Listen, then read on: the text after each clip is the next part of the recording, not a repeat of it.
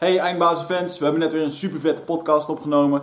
Uh, met niemand minder dan kolonel Swillens, die commandant is van het Korps Commandotroepen. Korps Commandotroepen zijn uiteraard gewoon de eindbazen van de Nederlandse landmacht. En uh, na het zien van de serie uh, Commando in Mali, dacht ik van wow, dit is echt hartstikke vet. En we gaan, we gaan een paar van die gasten hier uitnodigen. En ik was zeer positief verrast toen de eindbaas van deze eindbazen bij ons in de studio wilde komen. En we hebben hier uh, echt een top uitzending gehad. En we hebben alles besproken over moeilijke beslissingen nemen in gevechtssituaties, over leiderschap uh, in het militaire uh, beeld, maar ook in het bedrijfsleven. En ja, eigenlijk is alles wel aan bod gekomen van de opleiding tot en met ja, uitzendingen, het kameraadschap bij de commando's. De geschiedenis ervan, mooie oorlogsverhalen hebben we hier met elkaar gehouden. En ik ben er nog steeds helemaal enthousiast over. Eindbazen wordt gesponsord door Nutrofit. De webshop voor natuurlijke voedingssupplementen en trainingsmaterialen die je helpen bij het verkrijgen van Total Human Optimization. Nutrofit is hofleverancier van merken zoals Onnit, Natural Stacks en Bulletproof Coffee. Probeer onze producten zonder risico door onze money back guarantee. Bezoek ons op www.nutrofit.nl. Bestel je voor 9 uur s avonds, dan zorgen wij dat jouw bestelling de volgende dag geleverd wordt.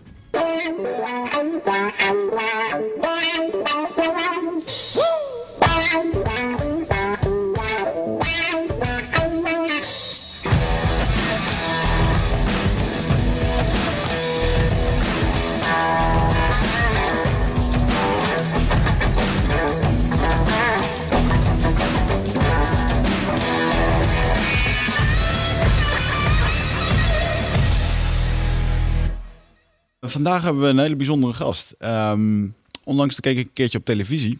En toen zag ik een, uh, een serie uh, over een commando in Mali. Dagboek van onze helden. En uh, vroeger had ik ook altijd wel de ambitie om iets te gaan doen in het leger of bij het Korps Mariniers. En dat was altijd wel de jongensdroom. En ik vond altijd de voorlichting die je toen kreeg ja, die was altijd wat beperkt en uh, soms een beetje in toneel gezette filmpjes. Dat was eigenlijk gewoon niet zo'n goede marketing, zeg maar. Maar toen ik nu die serie zag van Commando Mali, toen dacht ik echt van wauw, dit is tof. Die gasten met een GoPro-camera, uh, waarbij je echt ziet wat ze allemaal aan het doen zijn. En het gaf uh, voor mij echt een heel erg realistisch beeld wat onze jongens, de commando's, daar aan het doen zijn. Um, nou, uit mijn enthousiasme ben ik toen maar eens gaan mailen van... joh, ik uh, wil graag een commando bij ons in de studio hebben. Uh, dat ging met uh, het nodige bureaucratische heen en weer gemail... om uiteindelijk iemand daar te krijgen met het ministerie van Defensie. En ja, ik ben eigenlijk hartstikke blij dat wij vandaag kolonel Swillens in de studio hebben. En u bent commandant van het Korps Commandotroepen. Oftewel de eindbaas van de eindbazen van onze Defensie. Klopt. Toch? Dus welkom in de studio. En uh, ja, ik uh, uh, was eigenlijk ook wel verbaasd over hoe, hoe populair de vooraankondiging was bij ons op social media. Dus het speelt absoluut. Um, en ja, we, gaan het vandaag hebben over leiderschap, over moeilijke keuzes en over hoe, is het nou, hoe is het nou om een commando te zijn. Um, en ik denk ook dat ik dat gewoon als eerste vraag aan je moet stellen. Um, ja, hoe is het om een commando te zijn en waarom zou je het überhaupt willen doen? Ja, laat ik zeggen dat het dat het fantastisch is om commando te zijn. Toen ik in 1989 van de militaire academie afkwam, als uh, jonge luitenant van de infanterie. Ja, toen had ik eigenlijk de vraag van ja, zou ik dat ook kunnen? En je weet dan inmiddels al wel wat, wat toen de taakstelling was van de commando's, is heel anders dan wat die nu is. En je zoekt eigenlijk ja, de, de ultieme uitdaging. Ehm, en als je dan de opleiding hebt uh, volbracht, dan, dan treed je ook toe tot een, tot een eenheid met gelijkgestemden. Die allemaal, laat ik zeggen, alles voor elkaar over hebben. En als je op die manier, ja, laat ik zeggen, echt tot een eenheid hoort, tot een familie hoort. En dat dat dan ook nog eens je werk is. Ja, dan, dat, is, dat is toch wel, voor mij persoonlijk is dat toch wel, uh, ja, hè, de hoogste piramide van Maslow zou ik bijna zeggen, zelfrealisatie. Ja. En ik denk dat elke commando dat zo voelt. Het is een relatieve kleine club. Uh, en dat heeft een reden natuurlijk, want hoeveel commando's zijn er op dit moment in Nederland? Nou, we hebben de eenheid telt uh, om en nabij de 600 uh, mensen. De kern daarvan, dat zijn onze vier operationele eenheden die we ook uitzenden. En elke eenheid bestaat uit uh, ja, 72 man. Dus alles bij elkaar hebben we zeg maar 400, 500 commando's die de commandoopleiding hebben voltooid in actieve dienst. Eh, maar daarnaast eh, hebben we ook heel veel mensen die bij ons werken die geen commando zijn. Mhm. Maar die wel essentieel zijn voor, voor het ja, uitvoeren van speciale operaties. Eh, logistieke mensen, mensen die verbindingssystemen bemannen. Ehm, soms inlichtingenpersoneel. Dus dat maakt eigenlijk wel de hele Korps Commandotroepenfamilie compleet. Ja. Maar je hebt het over speciale operaties. Ehm, dan gaat er bij mij een soort van Hollywood-belletje rinkelen. En dan heb ik altijd een beetje het gevoel van, ja, wat doet Nederland nou eigenlijk in, met speciale operaties? Weet je, wel? hebben wij ook geheime operaties? Doen wij daar aan mee? Zijn wij daar actief in? Ja, het is natuurlijk een vraag waarvan je zelf het antwoord al kan raden. Ja, Daar kan ik niks over melden. Nee, kijk, het, de- het kenmerk van in ieder geval speciale operaties die een geheim etiket hebben, is dat we er natuurlijk niks over naar buiten brengen. Dat mag hartstikke duidelijk zijn. Eh, Hollywood is natuurlijk, eh, ja, Hollywood. Eh, maar ik moet aan de andere kant ook wel zeggen dat een eh, heel aantal films die soms uitkomen, eh, ja, toch heel realistisch zijn. Eh, vaak zijn er ook ex-special forces operators, zoals de Amerikanen dat noemen, betrokken bij het maken van die films. ja. En je ziet, en ik heb dat niet zo lang geleden ook verteld, toen die film American Sniper in première ging, ja, dat, dat, dat wij wel heel veel herkennen van wat in die film gebeurt. Ik zag eh, dat interview, dat eh, was bij Humberto Tan. Eh, voor de luisteraars die het nog niet hebben gezien, kijk straks eventjes in de show notes, op de website, dan zal ik het bijzetten. Maar daar werd inderdaad ehm, ja, over verteld. Er is er één scène waarin een, een sluipschutter ehm, ja, mogelijk een kind gaat neer. Volgens mij, ik heb de film nog niet gezien, maar misschien Hmm. spoilers. Spoilers, vol- ja. Volgens mij moet hij uiteindelijk een kind neerschieten omdat dat kind een wapen oppakt. En dat zijn best wel, ja, zijn geen alledaagse keuzes. Ehm, maar ja, hoe ehm, ga- gaat een commando altijd met dit soort keuzes te maken krijgen? Is dat een soort van eh, part of the, de job als je, dat, als je daarvoor tekent? Nou, ik denk dat je, maar dat geldt niet alleen voor commandos, dat geldt denk ik voor elke militair. Kijk, op het moment dat jij geweld moet gebruiken, Mhm. als militair, ook dus, ook- dus ook als commando. Ja, dan is dat natuurlijk, eh, laat ik zeggen, dan ga je niet over één nacht ijs. En dan moet dat echt helemaal passen. Eén, binnen de, binnen de juridische randvoorwaarden. Dus je moet je wapen mogen gebruiken op dat moment. Ja. Maar je praat ook, en dat is zeker in het geval in die film, over ethische grenzen. Want je schiet wel op een kind. Ja. Op, op een niet-combatant. Ja, op het moment dat hij het wapen oppakt, dan wordt het dilemma van... Hey, als ik nu niet schiet, dan schiet hij mensen van ons dood. Ja, en als ik wel schiet, ja, dan schiet ik wellicht een kind dood. Ja. En wat wij daar wel, ehm, laat ik zeggen, het is natuurlijk heel moeilijk om dat te simuleren in Nederland, hè, de veilige omgeving. Maar wat we wel doen, dat is daar heel bewust over spreken, omdat we ook geleerd hebben van dat eigenlijk kun je die keuze al maken voor, de, voor het moment. En dat is een soort van mentale voorbereiding. Dus als je met die jongens eh, spreekt over dit soort dilemma's, dan, ehm, dan zou je er bijvoorbeeld voor kunnen kiezen om wel te schieten, maar bijvoorbeeld een waarschuwingsschot of voor dat kind in de grond schieten. Dat het effect, weet je wel, uiteindelijk toch is dat jouw mensen niet doodgaan, maar dat je ook dat kind niet, eh, ja, eh, Mhm. niet doodschiet. Eh, Of je zou hem in een, in een been kunnen schieten. Ja. En de truc is eigenlijk om zo min mogelijk verrast te worden in dat soort situaties. Dat is eigenlijk wat ik geleerd heb in die afgelopen 20, 25 jaar. Hoe minder verrast je wordt in gevechtssituaties, hoe fijner het is. Ja. Maar je lepelt nu even vijf keuzes op wat je kan doen. Ja. en dat moet in een milliseconde beslist worden. Nou, maar dat is precies mijn punt. Dan moet je dus eigenlijk al proberen te beslissen voordat je in de situatie zit. Ja. Het feit dat ik je dit nu al verteld heb, ben je nu al beter mentaal voorbereid op die situatie dan drie minuten geleden. Of Ja. niet? ja, ik had het kind nog steeds doodgeschoten in eerste instantie. Ja.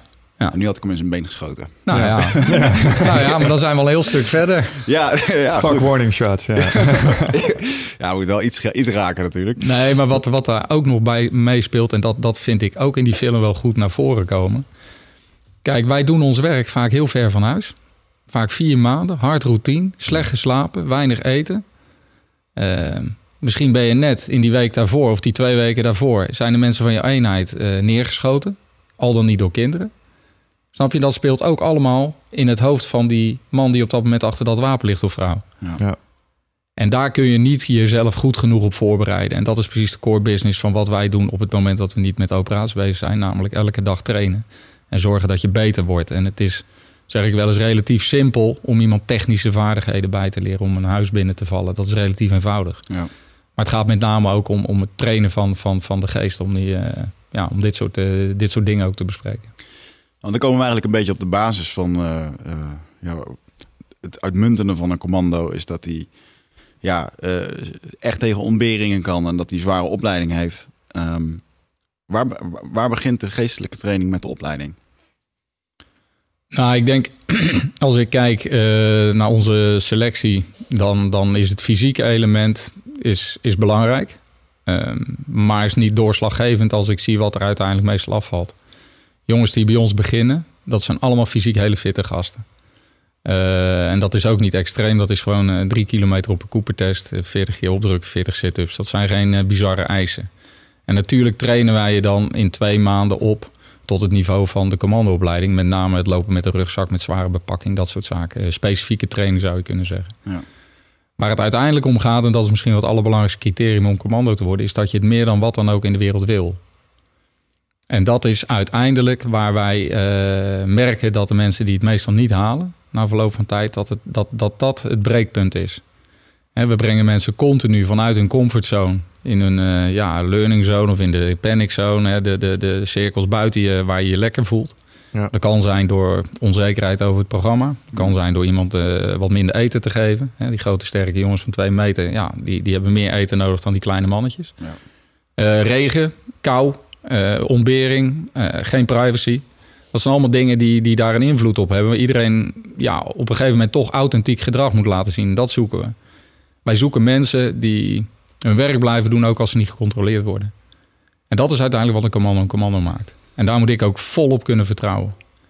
En ik weet één ding zeker, die jongens die bij ons binnenlopen na, na de opleiding en de groene beret krijgen, die voldoen allemaal aan die hoogste eisen. Voor mij is het ook niet interessant hoeveel mensen uiteindelijk de eindstreep halen. als dat er twintig zijn, ben ik hartstikke tevreden. Zijn er vijf, dan ben ik ook hartstikke tevreden. Want ik weet wel dat die mensen die het halen, dat, dat ik die ook uh, ja, blind uh, waar dan ook de wereld heen kan sturen om dingen te doen. Heb je wat statistieken voor wat er een opleiding begint en wat er afvalt? Nou, als je nu kijkt hoe we het nu uh, ingeregeld hebben, dan zijn er eigenlijk een aantal categorieën mensen die we werven ehm, binnen de krijgsmacht, maar ook buiten de krijgsmacht. Ehm, in de eerste plaats zijn dat officieren en onderofficieren. Dus mensen die al militaire opleiding hebben gehad en leidinggevende functies hebben. Die of bij het Corps Mariniers, of bij de Luchtmobiele Brigade, of bij de, bij de Genie, soms bij de Marechaussee vandaan, toch commando willen worden. Tweede categorie, dat zijn soldaten of corporaals die uit die eenheden doorstromen. Um, in toenemende mate zien we soms ook herintreders. Dus dat zijn mensen die hebben vijf, zes, zeven jaar in dienst gezeten, zijn de burgermaatschappij ingegaan. En uh, ja, merken toch van hey, ik wil terug de dienst in, maar dan wil ik ook naar het Corps Commandotroepen. Um, en in de vierde plaats zijn we sinds een jaar of tweeënhalf, drie weer bezig om rechtstreeks uit de burgermaatschappij uh, mensen te werven. En die vier, vijf categorieën, nou, die, die, die komen naar kennismakingsdagen. En dat, zijn, dat doen we acht, negen keer per jaar. Dus een soort drie, drie daags uitgebreid sollicitatieprogramma. Dan ja, is aan de ene kant voor, voor de kandidaat uh, interessant om te zien van... hé, hey, is dit wat ik zoek? Uh, we doen natuurlijk wat testjes, we doen, maar dat is allemaal nog niet heel, uh, heel extreem. En aan het einde van die, van die kennismakingsdagen... dan volgt in ieder geval voor die mensen die nog niet in dienst zitten... ook een psychologische keuring. Hmm. Een officiële fysieke keuring. En dan, dan staan ze eigenlijk op de wachtlijst om bij ons te beginnen. Nou, gemiddeld hebben wij 60, 70 man op zo'n kennismakingstraject. dus tussen de 5 en 600 man op jaarbasis. Daarvan starten we uiteindelijk twee keer per jaar met een opleiding van om en bij de 60, 70 man. Dus van die 5, 600 laten we er uiteindelijk ja, 100, 120 starten. Mhm. nou, en van die, van die 60 die bijvoorbeeld nu in augustus gestart zijn, ja, daarvan gaan er waarschijnlijk, uh, ja, ik denk tussen de 5 en de 20 het halen. Zo. Dat is best wel wat afval. Dat is zeker wat afval. Ja. ja. ja. En, maar het punt is wel, kijk, en dat is natuurlijk ook de vraag die we hadden toen we weer rechtstreeks uit de burgermaatschappij aan het werven zijn geslagen. De belangrijkste reden daarvoor is eigenlijk dat wij diversiteit zoeken. En eh, het is altijd gevaarlijk als je groepsdenken ligt vaak op de loer als je allemaal gelijk gestemd hebt. Mhm. Wat wij gemerkt hebben is dat het mensen die al een, uh, ja, een burgeropleiding uh, hebben gehad, uh, vaak hoogopgeleide jongens. Ehm, die vaak al werkervaring hebben. Ja, eigenlijk zoals jullie, hè? Die, die, die sportief zijn. Maar die toch gewoon die ultieme uitdaging zoeken en het werk zoeken met mensen die ja, gelijkgestemd zijn. Nou, dat heeft eigenlijk toegeleid dat we besloten van luister, wij willen weer gewoon jongens eh, werven. En de best man bijvoorbeeld, hè, dat is zeg maar de beste van zijn opleiding eh, een jaar geleden. Ja, dat was een jongen die heeft bedrijfskunde gestudeerd, HBO eh, in Groningen. Heeft drie jaar gewerkt bij Nike een verantwoordelijke baan. Kom, Wigert, we stoppen met deze ellende. We Ik gaan zat er gewoon net aan te denken. Ja, we hebben nu ook een ingang dat we gewoon wat makkelijk, dat we gematst worden. Dus, nou, eh, absoluut. We matsen matsen jullie aan alle kanten. Wat ik dan wel interessant vind is als je zo'n best man selecteert. Op basis van welke criteria gebeurt dat? Ja, nou, dat is eigenlijk heel simpel. Eh, dat gebeurt aan het einde van de commandoopleiding. Mhm. En eh, de medecursisten die eh, vullen allemaal een blaadje in met wie vinden zij nummer 1, 2 en 3. Oh, oké. Eh, dus het is echt een peer eh, rating, zou je kunnen zeggen. Ja. Eh, maar de instructeurs, die houden het vetorecht. Ja. Want het kan zijn dat een vent iets gedaan heeft wat zijn medecursisten niet weten. Snap je? Maar 99 van de 100 keer is dat eh feilloos in lijn. hmm. Hm. Ik vind het wel een eerlijke, ja, wel goed. Klinkt als een Je, ziet het ook steeds vaker binnen bedrijven, dat je inderdaad je meerdere mag eh, eh, beoordelen. En dat het dan eh, door meerdere mensen gedaan wordt. Ja, Ja. wel de juiste manier. In het bedrijfsleven is daarbij wel belangrijk dat het enigszins anoniem gebeurt, omdat mensen zichzelf anders dan een beetje gaan filteren. Maar Nou, deze jongens, allemaal, volgens mij zijn deze allemaal erg straight. allemaal stuk voor stuk, die gaan nog niet misschien naast zijn schoenen lopen hierdoor. Dat werkt niet. Nee. Nee. Ja, dat vond ik wel mooi in die serie eh, van Commando in Mali. Dat, eh, eh, ik zag heel veel kijkersvragen binnenkomen. En eh, er werden ook een beetje Hollywood-vragen gesteld natuurlijk. Hè? Net als wij dat hier natuurlijk weer doen. Mhm. Eh, maar de antwoorden die hij daarop gaf, ja, die was, die was inderdaad gewoon heel relaxed over. Heel bedachtzaam en heel... ik was eerlijk gezegd ehm, verbaasd over zijn manier van communiceren. Hoe dat hij dat kon doen en hoe dat hij dat ook onder woorden kon brengen. Ja. Het was niet de Hollywood Rambo Rauwdouwer waarvan Nee. je zou denken dat het was. En ja, hele bedachtzame gozer. En volgens mij... Maar ja, vergis je niet. Kijk, en dat zeg ik. Het is, heel, het is relatief eenvoudig om hier eh, met bruut geweld eh, binnen te vallen. En, eh, en dat kunnen we ook. En dat doen we ook als het nodig is. En dat twijfelen we ook geen seconde. Maar wij denken wel eventjes voordat we gaan handelen. Want we hebben ook wel geleerd, of in ieder geval, we weten gewoon dat als je vandaag ergens een deur intrapt en je hebt daar de rest van het jaar nog last van in je missie, ja, dan moet je die deur niet intrappen. mm, Maar als je die deur moet intrappen, dan moet je hem zo gruwelijk hard intrappen dat hij ook nooit meer open gaat. En dat je, dat je, dat je razendsnel je doel haalt. Ja. En dat is wat, wij, wat, we, wat we denk ik, eh, ja, altijd proberen beter te doen. Dus als we het doen, hè, het motto van het KST is nu koud, nu kwam, nu of nooit. Je doet het of je doet het niet. En als je het doet, dan doe je het voor 110 procent. Heb je onze 9,5 ook niet goed genoeg. Het moet altijd een 10 zijn. Soms doodvermoeiend. ja. Maar het is wel wat het is. En daar, daar doen we ook geen water in de wijn. Daarom zeg ik ook van het maakt mij in die zin ook niet zoveel uit of er vijf of twintig man uit de commandopleiding rollen. Ja. Eh, de ijs is de ijs en, en, en goed is goed en niet goed is opnieuw. Ja. En dat zijn eigenlijk een aantal hele simpele basisregels in een commandoopleiding. Afspraak is afspraak, tijd is tijd, niet goed is opnieuw. Eh, eerlijk uitkomen voor je fouten. Fouten maken mag. Ah, niet leren van je fouten wordt een stuk lastiger. En eh, zaak bedonderen, dat is eh, enkele reis eruit. Ja. Dat, dat vroeg ik me af ehm, voor... ehm, ehm, je kent wel de, de films waar mariniers worden opgeleid of Navy SEALs. En dan op een gegeven moment moeten ze dan zo'n bel klingelen en dat ze eruit gaan. Hoe, hoe, is, hoe werkelijk is die realiteit als je de opleiding start en je zit er een keer doorheen en je zegt van ik wil niet meer, dan is het dan meteen van nou, ga er maar uit. Of hoe, hoe, hoe, ja, hoe cru is dat? Hoe, hoe, hoe, hoe, hoe strak is die lijn om eruit te stappen of dat je door moet gaan? Nou, uiteindelijk is de man zelf, eh, of de, de cursist zelf, die bepaalt of die verder wil of niet. Ehm, en als iemand er echt niet eh, mee door wil gaan, dan, dan stopt hij ermee. Maar wij leggen die lat wel hoog. Wij hebben geen bel hangen. Wij hebben geen bel waar een vent aan, eh, aan klingelt. Want iedereen zit wel een keer stuk. Ook die hele goede kerel. Ja. En dan zul je toch in de vlaag van verstandsverbijzing een keer tegen die bel aantikken. Ja. Snap je? Die, die checks en balances die bouwen heel na- nadrukkelijk in.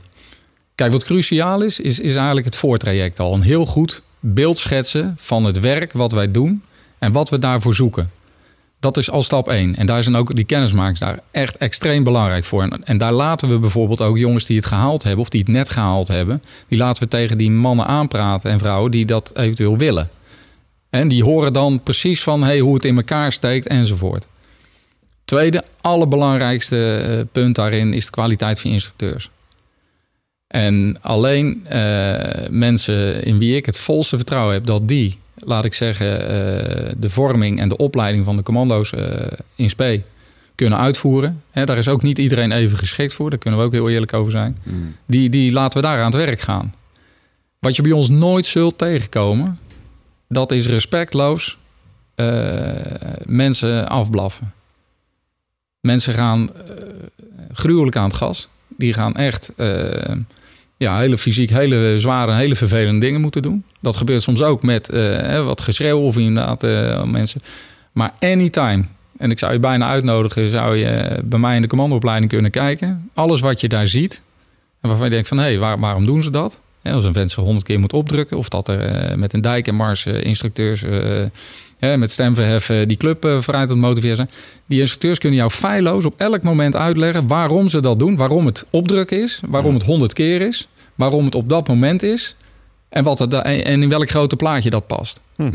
En dat past ook weer in die filosofie van luister, je moet denken voordat je handelt. Het is super eenvoudig. Nou, ik begreep dat een van jullie ook eh, behoorlijk in de martial art fighting zit. Het is heel eenvoudig om iemand af te breken fysiek. Dat is ben ben met drie minuten mee klaar. Ja. Maar het moet passen in een doelstelling. En dat is, dat is wat het verschil maakt. Ja. Ja. Wij ik gaan- denk dat we wij- daarop moeten ingaan. Wij eh, gaan, wij gaan eind, we hebben het over laatst over gehad. Wij gaan ook eindbazen experiences Ik nodig opnemen. bij deze de eindbazen Oh, uit. leuk. De Yes. eindbazen om de kennismakingsdagen mee te doen. En ik zie jullie graag binnenwandelen over een jaar of anderhalf. Mooi. We can blow shit up. Ja, mogen we het opnemen? Nou, wat we wilden doen is, we wilden vanuit Eindmazen ook inderdaad experiences in kaart gaan brengen. Dus gewoon dingen ondergaan en de ervaringen opnemen, maar ook met een stukje cognitief draagvlak. Dus als mensen ook kunnen onderbouwen waarom bepaalde dingen op die manier worden gedaan, kun je er ook weer leringen uittrekken. Ja, dus eh, dat absoluut. lijkt ons ontzettend gaaf. Ja, Ja. leuk, dank je. Ehm, ik heb één vraag die me nu een paar keer te binnen is geschoten toen ik je eh, aan de praat hoorde over het selectieproces. Ehm, ik weet niet of dat eh, terecht was, maar je herstelde je een aantal keer op ehm, zeg maar eh, gasten, mannen. En toen werd vrouwen werd er als een soort afterthought ingegooid. Ja, klopt. Komen er weinig dames door de selectie heen? En zo ja, eh, waarom is dat? Nee, is een goed punt. Kijk, is natuurlijk eh, eh, niet zo lang geleden, volgens mij vorige week stond een heel stuk in de krant over vrouwen bij het Corps Mariniers en ook Mhm. vrouwen in het Amerikaanse leger bij gevechtseenheden. Dat is vaak een, een beladen punt. Ehm, kijk, bij ons, eh, wij, wij hebben geen, geen regel dat er geen vrouwen mogen zijn. Maar, en dat is een beetje mijn gebrek en daarom herstelde ik me ook. Ik praat heel vaak over mannen, omdat natuurlijk eh, ja, alle operators die we hebben, alle, alle SF-commando's, ja, dat zijn allemaal mannen. Eh, ja, een enkele keer komt er, komt er een vrouw die komt naar de kennismakingsdagen toe. Hmm. Maar tot op heden is er nog geen vrouw eh, geweest die, eh, die na die kennismakingsdagen ook eh, ja, is gestart met de commandoopleiding. Ik heb, eh, toen ik een jaar of 16 was, toen eh, wilde ik heel graag naar het Corps Mariniers. Toen was ik daar te jong voor.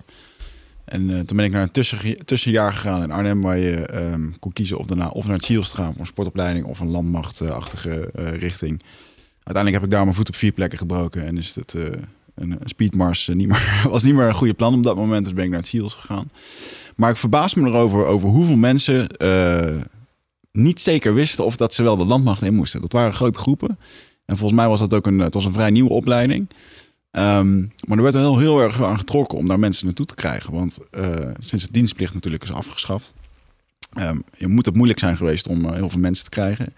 Ik weet ook dat op een gegeven moment eh, bij mijn punt was dat ik geen gewrichten gebroken mocht hebben bij het Corps Mariniers. En onlangs sprak ik iemand die zelfs een vingerkootje mist. En wel door de opleiding van de mariniers dat hij daartoe werd aangelaten. Of dat hij werd, werd toegelaten. Dus die eisen die zijn wel versoepeld met de jaren. Dat- Dat is toch zo, of niet? Is dat puur omdat er gewoon een tekort is aan, eh, aan, eh, om, anders mensen binnen te krijgen? Nee, ik, in dat, ik, ik durf dat niet te zeggen. Kijk, wat ik wel gemerkt heb is natuurlijk... eh, ik ben in 89, zei ik al, van de KMA afgekomen. Toen hadden we nog dienstplichtigen. Hmm. En ik heb die hele transformatie de laatste 25 jaar van de krijgsmacht van binnenuit meegemaakt als jonge officier en nu als hè, iets, iets, iets minder jonge officier. Ehm, en ik heb dus ook de intrede gezien van, van de beroepssoldaten. En natuurlijk eh, zijn eh, fysieke eisen zijn natuurlijk eh, belangrijk. En wat je natuurlijk als elke organisatie het liefste wil, de mensen die je selecteert, ja. Ja. dat die het ook allemaal gaan halen. Hè. Dat is natuurlijk vanuit efficiency overweging. Ehm, en je hebt dus ook verschillende categorieën. Ja, bij commando's gelden zwaardere fysieke eisen dan wanneer je chauffeur wil worden. Ja. Waar ik geen voorstander van ben, wat ik ook niet om mij heen zie eerlijk gezegd, is dat we die eisen naar beneden bijstellen. Dat is echt goedkoop zou ik bijna zeggen en dat blijft toch duurkoop. Dus ik zou bijna eigenlijk zeggen dat we nu, hè, als je naar de landmacht kijkt, hè, de laatste vijf jaar zijn van 28.000 naar 20.000 gegaan. Dus je kunt je eisen eigenlijk opschroeven. En dat zou je ook moeten doen. En dat, dat eist eigenlijk ook het moderne conflict eh, van ons op dit moment. En dat we eerder juist, laat ik zeggen, zwaardere eisen aan mensen zouden moeten stellen. dan, eh, dan lichtreizen. Maar het punt wat je maakt is wel terecht. Je moet je organisatie wel gevuld houden. Ja. En daarvan merk ik nu in ieder geval, als ik over het Korps Commandotroepen praat, dat, dat, we, dat we de eenheid gevuld krijgen. Ja. Dat er voldoende aanwas is. Eh, maar dat is een ongoing effort. Een hele andere categorie waar, waar de krijgsmacht echt naar zich naar op zoek is, eh, zijn technici. Ja. Ik was niet zo lang geleden op het TechBase event en dan heb je allemaal echt HBO en WO afgestudeerde mensen. Ja, als jij state-of-the-art spulletjes wil ontwikkelen, ba- battlefield management systemen of, of, of high-tech eh, eh, radars voor op schepen of, of JSF eh, eh, software Ja. of Defensie Cybercommando. Jongens die echt goed kunnen hacken. Die echt in staat zijn om defensief in dit cyberdomein jouw beveiliging goed kunnen regelen, maar ook offensief. Dus ergens dingen kunnen planten. Ja, als jij via de software de, de luchtverdedigingsmiddelen van je tegenstander kan uitschakelen, ja, dan hoeven geen commando's meer te sturen. Ja. Er zitten wel voordelen aan. Ja. Ja, ik heb daar nog wel een vraag over. Want het is natuurlijk onmiskenbaar. En eh, je schetste net al, eh, je maakte de transitie eh, die het leger of de landmacht doormaakt, eh, maakt u van dichtbij mee. Ehm, technologie is daar volgens mij eh, onmiskenbaar in toenemende mate een element binnen. Ehm, er staan een paar ontwikkelingen op de horizon waarvan ik denk dat een gemiddelde stratege of iemand die zich bezighoudt met het slagveld toch wel ernstig achter de oren krapt van, joh, waar gaat dit heen? Ja. Ehm, in hoeverre ehm, anticiperen jullie bijvoorbeeld dat... ehm, kijk, goede mannen zul je altijd nodig hebben. Maar je ziet bijvoorbeeld wel in toenemende mate eh, systemen... die eigenlijk, nou ja, met name door je eh, technische specialisten worden bediend. Drones, straks misschien wel andere platformen eh, die ik... Ik heb gezien wat Boston Dynamics aan het maken is voor het Amerikaanse leger. Dat zijn eigenlijk gewoon mobiele wapenplatforms... die geen tanks meer zijn, maar dit zijn eigenlijk gewoon een soort van robots. Ja, En die klopt. dingen die worden nu nog bestuurd, maar die willen ze ook iets van slimmigheid gaan meegeven. In hoeverre zijn jullie allemaal dat soort vraagstukken echt bezig? Ja, Hebben jullie heel- daar een visie op? Ja, heel erg. Ik denk dat dat, eh, dat, dat iets is. eh, technologische ontwikkelingen gaan, gaan zo ongelooflijk snel. Mhm. Exponentieel wordt dat vaak genoemd. eh. en daar wil je natuurlijk op vooruit blijven lopen. Als ik nu zie hoe de wereld van informatie, hoe snel dat gebeurt, eh, met name ook door tegenstanders. IS, om een voorbeeld te geven. Ja. was een stroming. 2,5 jaar geleden hadden we nog niemand, ik ook niet, van IS gehoord. Ja, op dit moment kun je niet meer wegdenken. En wat zij eigenlijk doen, dat is op een hele ja, eh, doortrapte manier ehm, terreur, angst zaaien. Ja, met, met de moderne eh, communicatiemiddelen die er zijn. Mhm. En dat zijn natuurlijk dingen, hybrid warfare, kleine groene mannetjes eh, op de Krim. Natuurlijk zijn dat dingen waar we op dit moment continu mee bezig zijn om na te denken van ja, en wat, wat zetten wij er tegenover? Hoe gaan wij daarmee om? Binnen de, ja, binnen de kaders die er natuurlijk zijn, binnen het humanitair oorlogsrecht, om maar een, een voorbeeld te geven. En, ehm, maar de rol van techniek is, is onmiskenbaar. Ja. En dat merk ik ook, eh, ook bijvoorbeeld in de commandoopleiding. Als je nu kijkt, hè, als wij jongens opleiden tot communicatiespecialisten, die dus in staat zijn om waar vandaan ter wereld ook met een radio eh, live verbindingen secure eh, naar Nederland te zenden.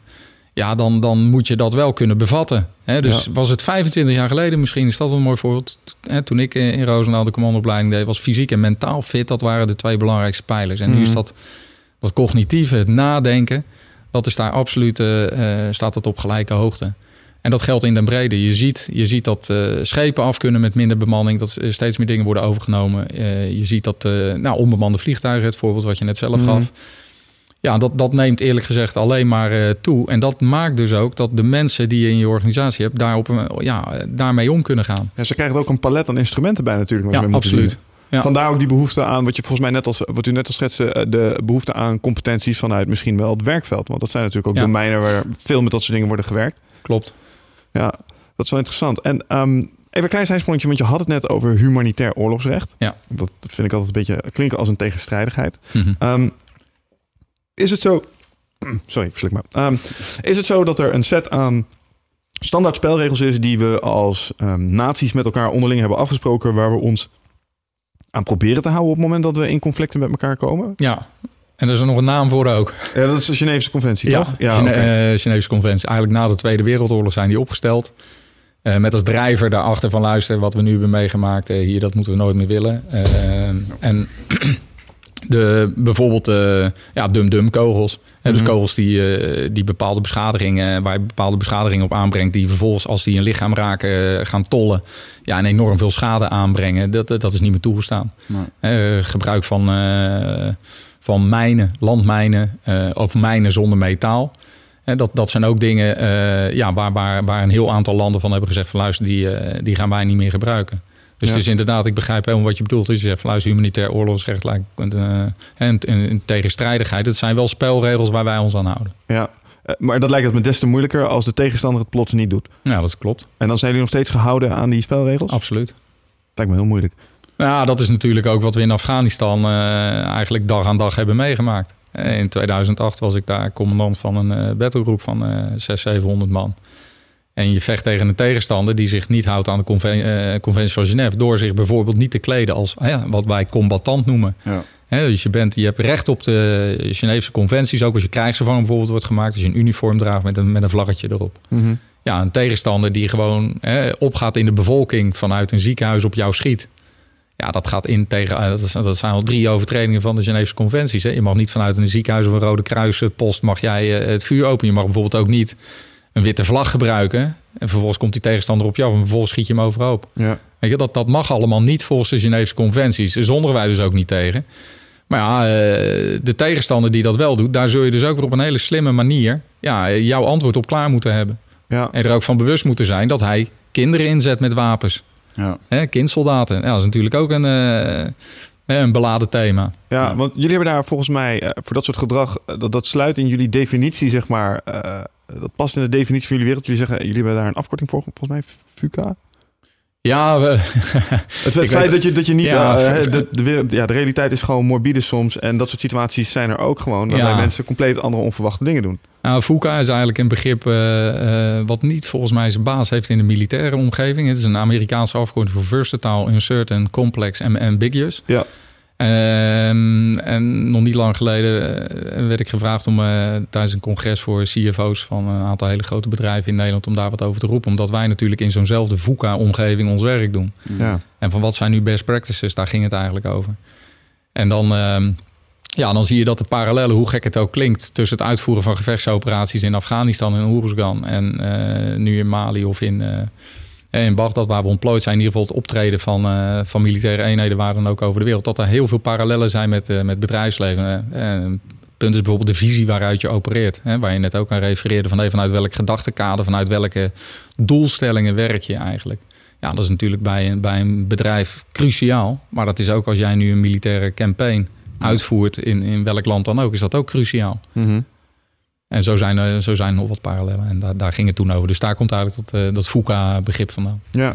ja, wat ik me dan afvraag daarbij is als je dan... ehm, want het, het leger en eh, commando's met name lijken me behoorlijk doelgericht... eh, in proberen het effect te sorteren dat ze hebben. En, en dan kom ik toch weer een beetje, klein beetje terug op dat, ehm, dat humanitaire, humanitaire oorlogsrecht. Kijk, ergens vanuit een economisch perspectief snap ik dat je soms keuzes maakt. Want als jij opgaat in de burgerbevolking... loop je zelf aanzienlijk minder risico om geraakt te worden bijvoorbeeld. Ja. En eh, eigenlijk zou jullie zeggen dat jullie het constant opnemen tegen een ongelijk speelveld. Ja, dat is correct. Goede waarneming. Ja. En dat doen, we, dat doen we enorm goed in mijn beleving. ja, want jullie hebben ongetwijfeld manieren verzonnen om daar op een goede manier mee te kunnen dealen. Ja. Hoe, zou je daar een paar kernlessen, best practices, je had het er al over. Nee, dat kan wel. Kijk, wat, eh, wat, je, wat je eigenlijk ziet en wat je, de vraag die je nu stelt gaat over counterinsurgency. En counterinsurgency, dat is eigenlijk hoe ga je om met een tegenstander die inderdaad eh, vanuit de bevolking eh, ja, dingen doet eh, ja, die, die, die jij niet wil dat er gebeuren. En dat is natuurlijk enorm. Het eerste wat we eigenlijk gedaan hebben de afgelopen jaren, wij niet alleen als Nederland, internationaal, dat is gewoon leren van het verleden. Hè, military history, dat is echt heel belangrijk. En als je leest hoe bijvoorbeeld, ja, laat ik zeggen, eh, de Fransen in Algerije in de jaren 50 of 60 hebben opgetreden. eh, en maar ook de Nederlanders eh, na de Tweede Wereldoorlog in Nederlands-Indië. Daar zijn heel veel lessen uit te trekken. En dat zijn ook lessen die je dan probeert toe te passen in, ja, in het huidige gevechtsveld. En als je naar Afghanistan kijkt, dan kwamen we er al achter, onder andere uit die studie van luister, je moet het militaire stukje maar een stukje van de oplossing. En je zult een combinatie moeten hebben van aan de ene kant defense, aan de andere kant development. Hè, dus het ontwikkelen, scholen, eh, scholing, eh, economische ontwikkeling. Hè, op het moment dat mensen gaan werken en, en inkomen hebben, ja, dan zijn ze veel minder geneigd om de wapens op te pakken. Mhm. Eh, En diplomacy. Dus je moet ook diplomatiek en, en de structuur van een land, die moet kloppen. hè. Het rechtssysteem moet kloppen. Je moet niet alleen politieagenten hebben, maar je moet ook een rechterlijke macht hebben. Nou, dat complex, dat moet eigenlijk een onderdeel zijn van het plan, van het campaignplan. Nou, en als je dat dan eh, eh, hebt bedacht, en dat doe je dus niet alleen als militair, de tweede man in de Taskforce Oeruzgan, dat was, een hoog diplomaat van Buitenlandse Zaken. Mhm. Eh, je moet ook de, de verbindingen zoeken met de, met, de, met de burgermaatschappij. Je moet soms ook de verbindingen zoeken als die alweer in het gebied zijn met bijvoorbeeld non-governementele organisaties. Uh, Artsen zonder grenzen, uh, de VN is vaak heel erg actief. Ehm, ja, en dan, dan samen moet je daar eigenlijk een plan voor maken hoe je tegenover zo'n tegenstander op gaat treden. Die, ehm, ja, die, die, die, die dat probeert te voorkomen. En ja, wat we in 2008 bijvoorbeeld in, in, in Oeruzgan hadden, daar hadden we een Baluchi-vallei. Dat was een vallei van een kilometer of tien lang, kilometer of anderhalf breed. Op vijf tot tien kilometer van het centrum van, van het hoofdstadje waar wij zaten. Hmm. En de strategische vraag was, in die Baluchi-vallei, daar zitten Taliban-strijders. En die maken daar bermbommen. Die komen uit die uh, vallei, leggen die bermbommen neer... waar niet alleen militairen oprijden, maar ook de Afghaanse politie... ook het Afghaanse leger en ook de Afghaanse bevolking. En de strategische vraag was toen van luister, gaan wij die Baluchi-vallei zuiveren? Gaan we die op zijn kop zetten? Gaan we daar doorheen trekken? Gaan we die wapenvoorraden hè, vinden? Gaan we die Taliban uitschakelen? Of laten we voor wat het is, containment. Hè? Optie 1, optie 2. Waarbij je weet, als je optie 1 gaat doen en je gaat met 700, 800 man die Baluchi-vallei in... dan ga je daar gegarandeerd aan, slachtoffers aan eigen zijde krijgen... en misschien zelfs wel mensen die sneuvelen. Maar het lange termijn effect is dat het veel veiliger wordt in je hele regio. Mm -hmm. Nou, dat laatste hebben we, hebben, hebben we toen, uh, hebben we toen gedaan. We zijn toen die Baluchi-vallei doorgegaan, hebben die uh, gezuiverd van Taliban. Maar dat was niet alleen het, hè, wat wij kinetisch noemen, dus het vechtdeel. Maar het was ook de hele follow-up. We zijn gelijk die bevolking gaan informeren van... luister, we zijn hier nu naar binnen gegaan. By the way, op het moment dat jij weet dat ergens Taliban is... kom het ons melden. Weet je, doe je dat niet, dan kunnen we je ook niet beschermen. Oh, weet ook dat we nu in het midden van de Baluchi-vallei... een basis bouwen die we het komende half jaar bezetten met uh, coalitietroepen. Dus met Nederlanders, met Australiërs. Mm-hmm. Maar ook met het Afghaanse leger. En dat we na, na een aantal maanden, en dat is ook gebeurd... Uh, is dat een Afghaanse basis geworden. Dus we zijn hier niet om door die vallei heen te vegen... en vervolgens niks te doen. Hè, stoffen zonder blik noem ik dat wel eens. Ja. Maar om echt een, een, een, een lasting effect te sorteren. En dat was ook de discussie die je dan met, met de militaire commandant... Hè, maar mijn directe baas daar... Mm-hmm. Uh, besproken heb van luister, als we dit doen, dan moeten we het goed doen. Het moet wel echt, uh, er moet echt een goede doelstelling, een goede visie achter zitten. Mm-hmm. En een eenmalige actie die, die een korte termijn effect heeft, maar wel slachtoffers naar eigen zijde kan opleveren. Ja, dat is misschien dan niet de goede keuze. En als we het doen, dan moeten we het goed doen. Hè, nu of nooit, noem koud, noem kwam, ja. zeg maar. Helder. Wat ik me dan afvraag is, um, jullie werken natuurlijk in coalities samen. Um, wordt dat campaignplan, wordt dat in gezamenlijkheid ja. beslecht? Nou, het is, uh, heel vaak is het natuurlijk zo, daar moet je ook niet naïef in zijn, dat landen altijd een eigen belang hebben. Hè, of dat nu de Fransen in Noord-Afrika zijn of de Amerikanen, ja, eigenlijk waar niet in de wereld. Er zit altijd een nationaal belang in. Ik denk dat Nederland zich ook steeds meer bewust is dat het uitspreken van een nationaal belang, dat dat ja, eigenlijk heel logisch is. Uh, maar ik zeg ook, mijn ervaring is, zowel nu in Mali als in Afghanistan als in Irak, dat, dat er internationaal uh, heel goed overlegd wordt en ook begrip is voor elkaar zijn standpunt. En dat er ook gezamenlijk een plan gemaakt wordt. Als we nu naar Mali kijken, dan zien we dat daar de Force Commander, hè, de baas van de VN-troepen in uh, Noord-Mali, 10.000 man. Dat is een Deense twee-sterren-generaal. Nou, wij leveren daar een hele belangrijke bijdrage voor hem. Hè, wat wij daar nu eigenlijk doen met alle Nederlandse eenheden. Dat is het zorgen dat we weten wat er, wat er, wat er gebeurt. Dus uh, je, moet begrijpen wat er aan de hand is. Nou, dat stuk vullen, vult Nederland voor een belangrijk deel in. Niet alleen, maar samen met Zweden, met, uh, met Denen en Tsjechen. Uh, en vervolgens kan daar de baas van de Force Commander, dat, dat, dat is een diplomaat, dat is een special representative, aangesteld door, door de hoofd van, van de VN. Ja, en die maakt met al die andere middelen die hij in de regio heeft, met name de VN-organisatie, ja, creëert hij al die niet-kinetische effecten. Ja. Dus ontwikkeling, nou, noem het allemaal maar op. VN is natuurlijk per definitie geen militaire organisatie. Daar is het militaire stukje echt maar, maar een deeltje van. Zie je daar wel eens een spanningsveld ontstaan tussen bijvoorbeeld uh, het kinetische aspect en het diplomatieke aspect? Als je dat dan benoemt, dan denk ik direct bijvoorbeeld, um, je had het over um, elementen in de regio die bijvoorbeeld niet uh, per definitie militair zouden kunnen zijn. Ik moest toen een klein beetje denken aan uh, organisaties als Blackwater, die, er, die wel zeg maar in de regio dingen aan het doen zijn. Erg kinetisch gericht zijn, zullen we zeggen. En ook niet bekend staan om hun subtiliteit, als je ze vergelijkt misschien met nou ja, conventionele troepen, voor zover je commando's conventioneel kan noemen. Um, dat spanningsveld tussen enerzijds uh, diplomatieke nou ja, interventie en Canadese interventie. Ik neem maar dat daar wel discussie over is. Nee, natuurlijk. Kijk, hè, je- je- je- ik denk dat je nu twee of drie dingen, nou ik wil niet zeggen door elkaar heen haalt, maar als je het over diplomatieke inspanningen hebt, dan ben je echt bezig om op het politieke dek, waar 99 van de 100 keer de echte oplossing ligt, hè, een goed stabiel bestuur van Mali, dat is eigenlijk een essentiële randvoorwaarde. En dat, dat moet op dat vlak ook, eh, ook geregeld worden. Eh, het andere element wat je erbij haalt, dat zijn bedrijven die een doelstelling hebben, die niet per definitie is het brengen van veiligheid in de regio Ja. als jij aan boord van een schip vanuit Blackwater of een vergelijkbare organisatie een beveiligingsteam hebt zitten, ja, dan ben je er best bij gebaat om bij elk bootje wat je ziet er even een paar schoten op af te geven. Ja. Hè, of dat nu vissers zijn of niet. Ik zeg niet dat het gebeurt, maar ik zeg alleen wel dat een, dat een private beveiligingsonderneming een andere doelstelling heeft dan een militaire organisatie. En dat is natuurlijk ook wat in die hele discussie Ja. over het wel of niet beveiligen van schepen vaak, eh, ja, vaak wel een belangrijk punt is. Ja. Hè, als je zegt het, het- het- het- geweld blijft het primaat van een nationale overheid. of wil je veiligheid uitbesteden aan de civiele markt? Ja, er zitten natuurlijk hele grote gevaren en risico's aan. Dat is een, misschien een politiek geladen vraag die je misschien niet graag beantwoordt. Maar wat vind je er zelf van? Van dergelijke bedrijven. Want ik deel je mening dat je eigenlijk organisaties, en of het nou dit soort organisaties zijn of organisaties gewoon in het normale bedrijfsleven, zodra er een winstoogmerk is, ehm, verandert het gedrag van een organisatie. En eigenlijk zijn ze inherently evil in de zin van dat ze altijd capaciteit proberen te maximaliseren, omzet proberen te maximaliseren.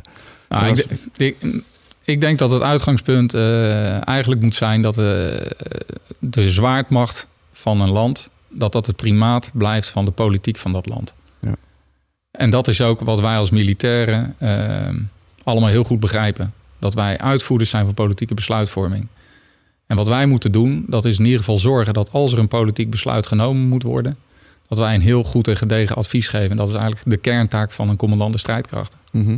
Die moet eigenlijk zeggen van luister, op het moment dat ergens eh, gevraagd wordt om militaire inzet, dan is dit mijn advies. Nou, en wat ik in ieder geval heb gemerkt in de afgelopen 10, 15 jaar is dat we daar eh, en met het toetsingskader wat we bijvoorbeeld nu hebben, met het informeren van de Tweede Kamer van tevoren, met de vele bezoeken die ook wel gebracht worden vanuit de Tweede Kamer aan militaire eenheden. Ja, dat we daar hele belangrijke goede stappen hebben gezet. Ja, en dat is met name om, het, eh, om de kloof te dichten tussen die twee. Nou, het is ook denk ik om, omdat wij als krijgsmacht enorm bij gebaat zijn. Ehm, dat wij draagvlak hebben in de samenleving voor wat wij doen. Dat is Mhm. heel belangrijk voor een militair, dat hij zich gewaardeerd voelt. En ik, heb zelf een jaar in Amerika gestudeerd, eh, aan de krijgsschool daar. En dan zit je in een klas met eh 70, 80 internationals en 500 Amerikanen. Maar als je in Amerika eh, naar een hotel gaat en je, en je meldt dat je militair bent, dan krijg je een discount van 20%. En dan zeggen ze, thanks what you do for our country. Snap je, die waardering, Ja. en dat zijn, zijn misschien kleine dingen, maar die is wel ontzettend belangrijk. En ook daarvan zie ik gelukkig wel in alle peilingen dat, dat, dat de Nederlandse samenleving dat ook wel waardeert. Maar Eh, voel je dat ook wel echt zo als militair in Nederland zijnde? Want ik kan me voorstellen als je dat Nou, in Amerika op die manier doet. eh, ja, Dat is een vraag die zou ik eigenlijk aan jullie moeten stellen. Hoe jullie daar tegenaan kijken. Of jullie, of jullie gevoel is dat de krijgsmacht, eh, de soldaten, de, de matrozen, de vliegers die we hebben. hè, die nu boven Irak IS aan het bestrijden zijn. die dagelijks hun leven in de waagschaal stellen. Snap je, voor die mannen is het echt toch wel heel belangrijk dat, dat, dat zij het doen voor Nederland. Nou, ik denk dat wij biased zijn, omdat we vanuit onze eh, achtergrond, eh, een boel van die jongens, die kom je ook tegen in de vechtsport. Ja. Dus ik hoor ook van dichtbij hoe die verhalen zijn. Ik heb bijvoorbeeld eh, die jongens die eh, boten privaat beveiligen. Ik, ik ken een aantal van dat soort jongens en die Ja. vertellen dan hun kant van het verhaal. En dan kom je toch al snel achter dat dat heel genuanceerd ligt. En dat ze daar ook eh, best wel eh, een heel emotioneel spectrum doorgaan. Dus eh, ik ik snap die persoonlijke beleving iets beter. Dus mijn antwoord daarop zou zijn, ja, natuurlijk snap ik dat dat heel belangrijk is voor ze. Hmm. Maar ik vraag me af, als het een iets verder van je bedshow is, Ja. eh, daar, kan ik, daar kan ik niet op antwoorden. Dat weet ik niet. Ik Nee. denk dat er soms ook wel een beetje neerbuigend tegen gedaan wordt. Nou, maar dat is ook precies het lastige. Hè? Kijk, een missie in Mali, op het moment dat je kan aangeven... Hè, dat ik hier zou kunnen zeggen... joh, doordat wij nu met eh 500, 600 man in Mali ontplooid zijn... hebben we 5000 minder vluchtelingen uit die regio hier in Nederland. Hmm. Dat zou lekker zijn als ik dat zou kunnen zeggen. Maar die causale verbanden zijn natuurlijk heel vaak heel moeilijk eh, aan te geven. Ik, ik, ik weet wel dat de wereld om ons heen... en laten we wel wezen, de laatste 20 jaar... het is er allemaal niet veiliger op geworden.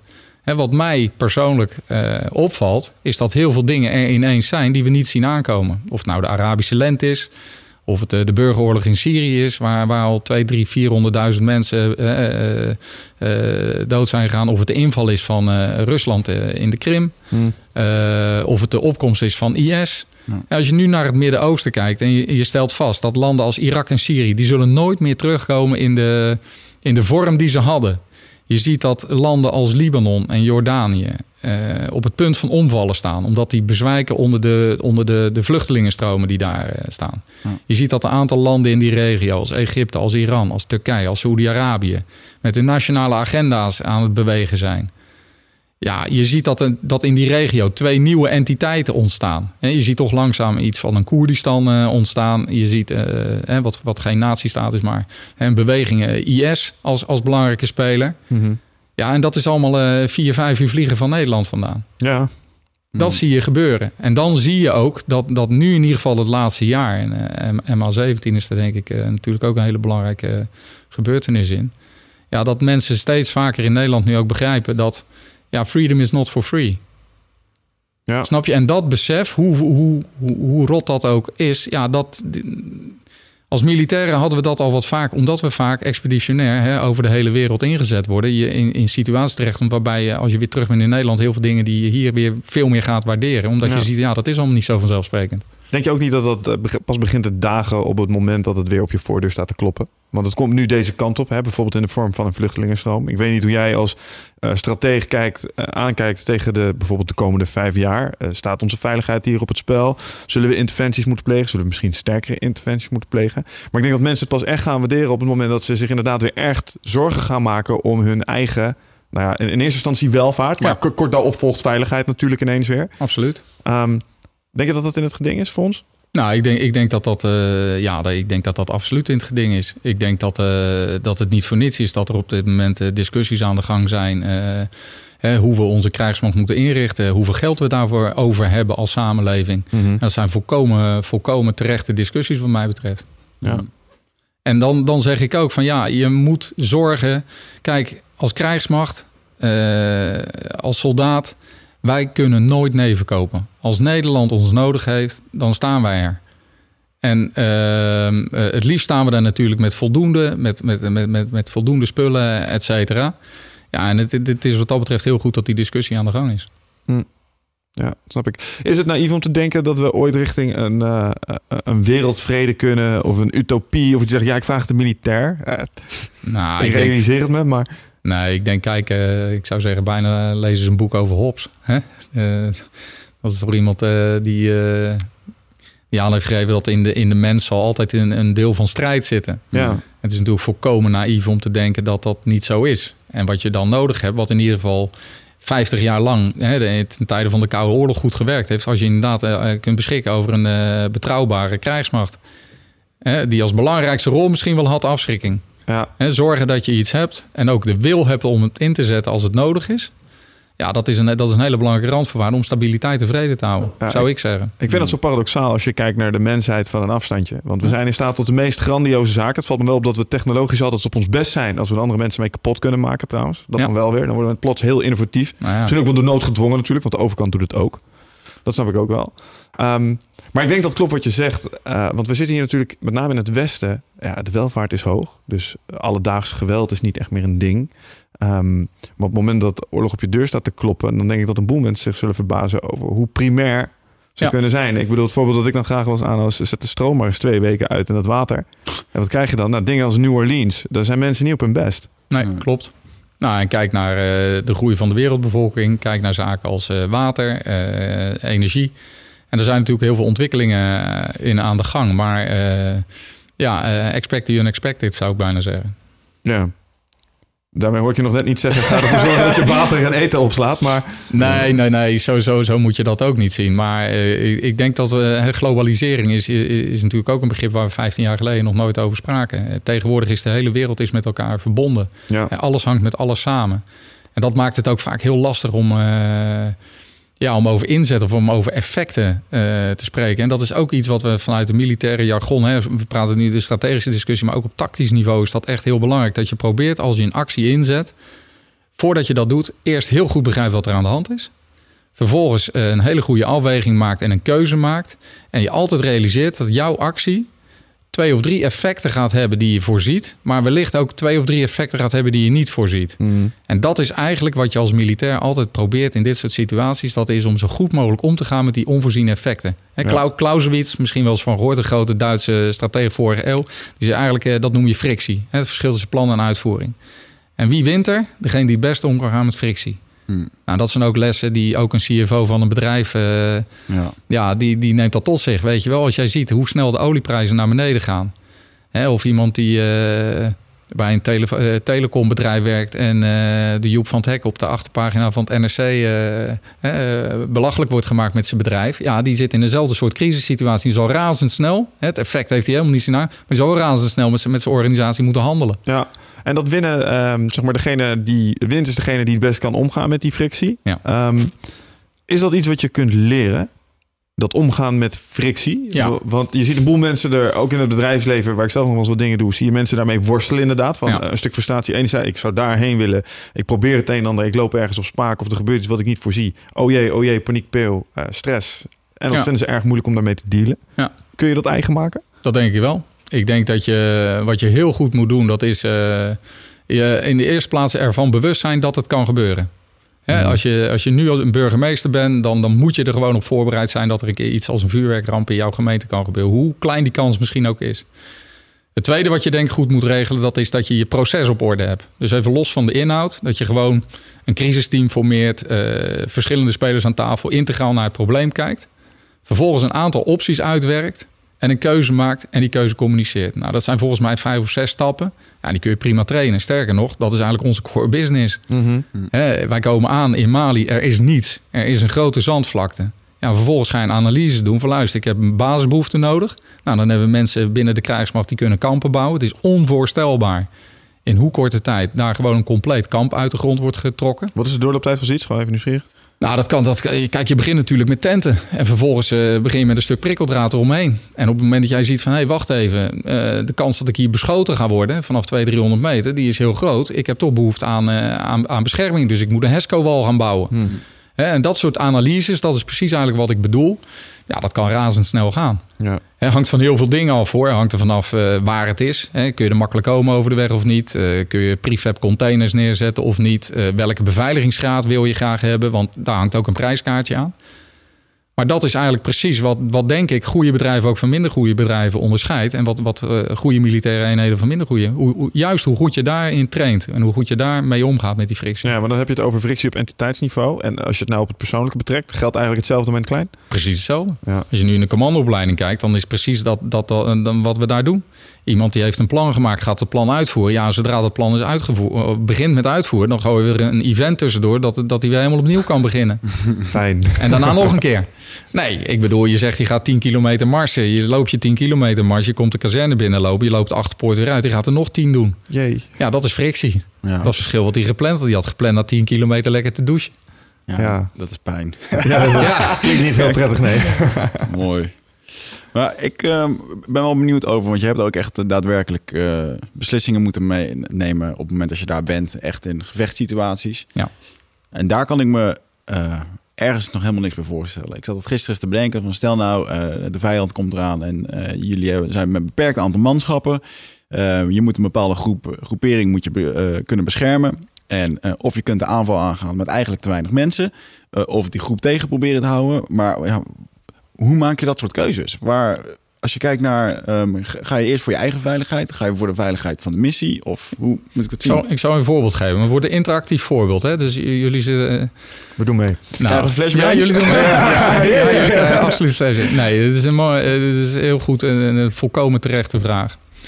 Voordat wij eh, met de eenheid naar eh, Afghanistan gingen, hadden we eh, alle officieren bij elkaar. Dan praat je over een man of 30, 40 van, eh, van de eenheid. Van jonge luitenant van 324 tot, tot overste van, van tegen de 50. Mhm. En de kernvraag of het kernpunt wat ik daar graag aan de orde wilde brengen was van luister, leer van elkaars ervaring. Want er zaten een aantal jongens bij die waren al een keer in Oeruzgan geweest en hadden daar ook gevechtservaring op gedaan. En elke officier die had een dilemma op een A4'tje geschreven waar hij ooit mee geconfronteerd was op het gebied van leiderschap. En een aantal dilemma's gingen over management dingetjes, hè, of werken met een plaatsvervanger die, eh, die het niet goed deed of wat dan ook. Maar een jonge luitenant die had het dilemma opgeschreven dat hij de vorige keer dat hij in Oeruzgan was in een, eh, Mercedes-Benz voertuig zat. Dat is dus een niet gepantserd voertuig. Rechts voorin. Links voorin zit de chauffeur. En links achter hem staat boven het maaiveld uit de boordschutter die de punt 50 bedient. Een deel van zijn eenheid was een meter of 100, 150 voor hem in het dorpje een patrouille aan het doen. Die raakt in vuurgevecht. En hij staat daar met zijn voertuig op die heuvel. En hij ziet dat vuurgevecht. Hij krijgt de radiomelding en hij ziet die tegenstander. En hij geeft zijn boordschutter opdracht om ondersteunend vuur af te geven richting, eh, richting, eh, richting die huizen en richting de vijand. Nou, op dat moment zal niet gek zijn. Die tegenstander heeft dat door en die beantwoordt dat vuur. Dus die gaat terugschieten. En die boordschutter, die dus ja, twee, drie meter boven dat maaiveld staat... eh, de inslagen 10, 15 meter naast hem, die maakt zich zorgen. En die zegt, hé hey, luid, eh, we moeten nu afbreken, zo meteen word ik geraakt. En het dilemma wat die luitenant nu heeft en wat jullie nu dus hebben... wat doe je? Blijf jij staan? Blijf je onderdrukkend vuur afgeven? Wetende dat als jij afbreekt... dat jouw mannen in het dorp vette problemen krijgen... Of blijf je staan met het risico dat jouw boordschutter, of misschien jijzelf, geraakt wordt? Zeg het maar. Wat zou je doen? Ja, Je gaf al aan dat Ja. mijn team waarschijnlijk ernstiger in de problemen zou zitten als ik mijn eh, onderdrukkend vuur zou terugtrekken. Dus Ja, daardoor komen zij tactisch in een ernstig nadeel terecht. Ja, Ja. dat is een inschatting. Ja. ik zou mezelf ook niet vergeven, denk ik. Als ik dan terugkom op zo'n basis, de rest is afgeschoten. En eh, Het ja, klinkt- dan krijg je altijd de wat-als kwestie. Dus dan is het denk ik, ja, Ik denk dat het eh, afhangt van mijn inschatting op dat moment of dat ik het risico loop om vijf man te verliezen versus één man. En op het moment dat het ehm, in het nadeel, als ik zeker weet dat als ik Ja, terugtrek... maar dat weet je niet. Dat, weet je niet. dat- nou, of, maar dat schat ik in. Dus ik schat in dat als ik nu wegga, dat, dat er meer kapot gaan.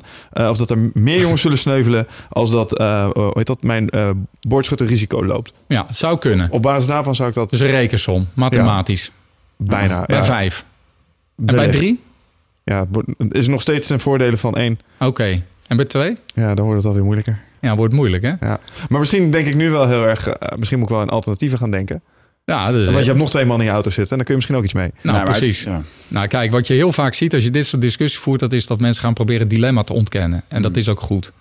Dus dus eh, bijvoorbeeld eh, kun je op een andere positie hetzelfde effect bereiken. Nou, dat is eigenlijk standaard militair optreden. Dus niet te lang op één plek blijven staan. Nou, in dit geval kon dat echt niet. Het was echt één biljartlaken. Het was alles of niets. Mm. Hè, dus het dilemma ontkennen, dat, dat zat er niet in. Ehm, wat die luitenant gedaan heeft, die is heel directief geweest in zijn leidinggeving. Je heeft gezegd, kop houden, doorvuren, max vuur erop. En daarmee verklein je eigenlijk ook de kans dat er vuur Mm. terugkomt. Dus Ja. dat was een heel goed besluit, denk ik. Nou, vervolgens is dat, dat gevecht is verder eh, afgerond. Is gelukkig allemaal goed gegaan. Zijn daar toen op dat moment ook geen gewonden bij ons gevallen. Mm. Eh, die jongen die heeft eh, zijn peloton teruggehaald. eh, is teruggegaan naar de base. En wat hij vervolgens ongelooflijk goed heeft gedaan, vond ik. Dat is dat hij besproken heeft met zijn peloton. Van joh, dit was de situatie. Dit was mijn, mijn analyse. Hè, de overweging zoals jij die eigenlijk net ook terecht brengt. Van ja, hoeveel man moet ik nu stoppen of niet? En die heeft dat besproken. En heel vaak is directief leiderschap, hè, dat, dat wordt vaak geassocieerd met militair optreden. Nou, in gevechtsomstandigheden is directief leiderschap vaak heel erg goed. Ja. Maar wat hij wel heeft gedaan, is heel duidelijk zijn besluit toegelicht. En dat is denk ik heel belangrijk geweest. Het was bovendien nog moeilijker voor hem geweest als hij zelf niet in het terrein had gezeten. Want het had ook zomaar gekund dat hij 300 meter daarachter zat. Ja. Dan is het nog moeilijker. Ja. En wat je dus eigenlijk wil, en daar gebruiken wij oefeningen voor om een eenheid te creëren waarbij mensen elkaar echt door en door kennen.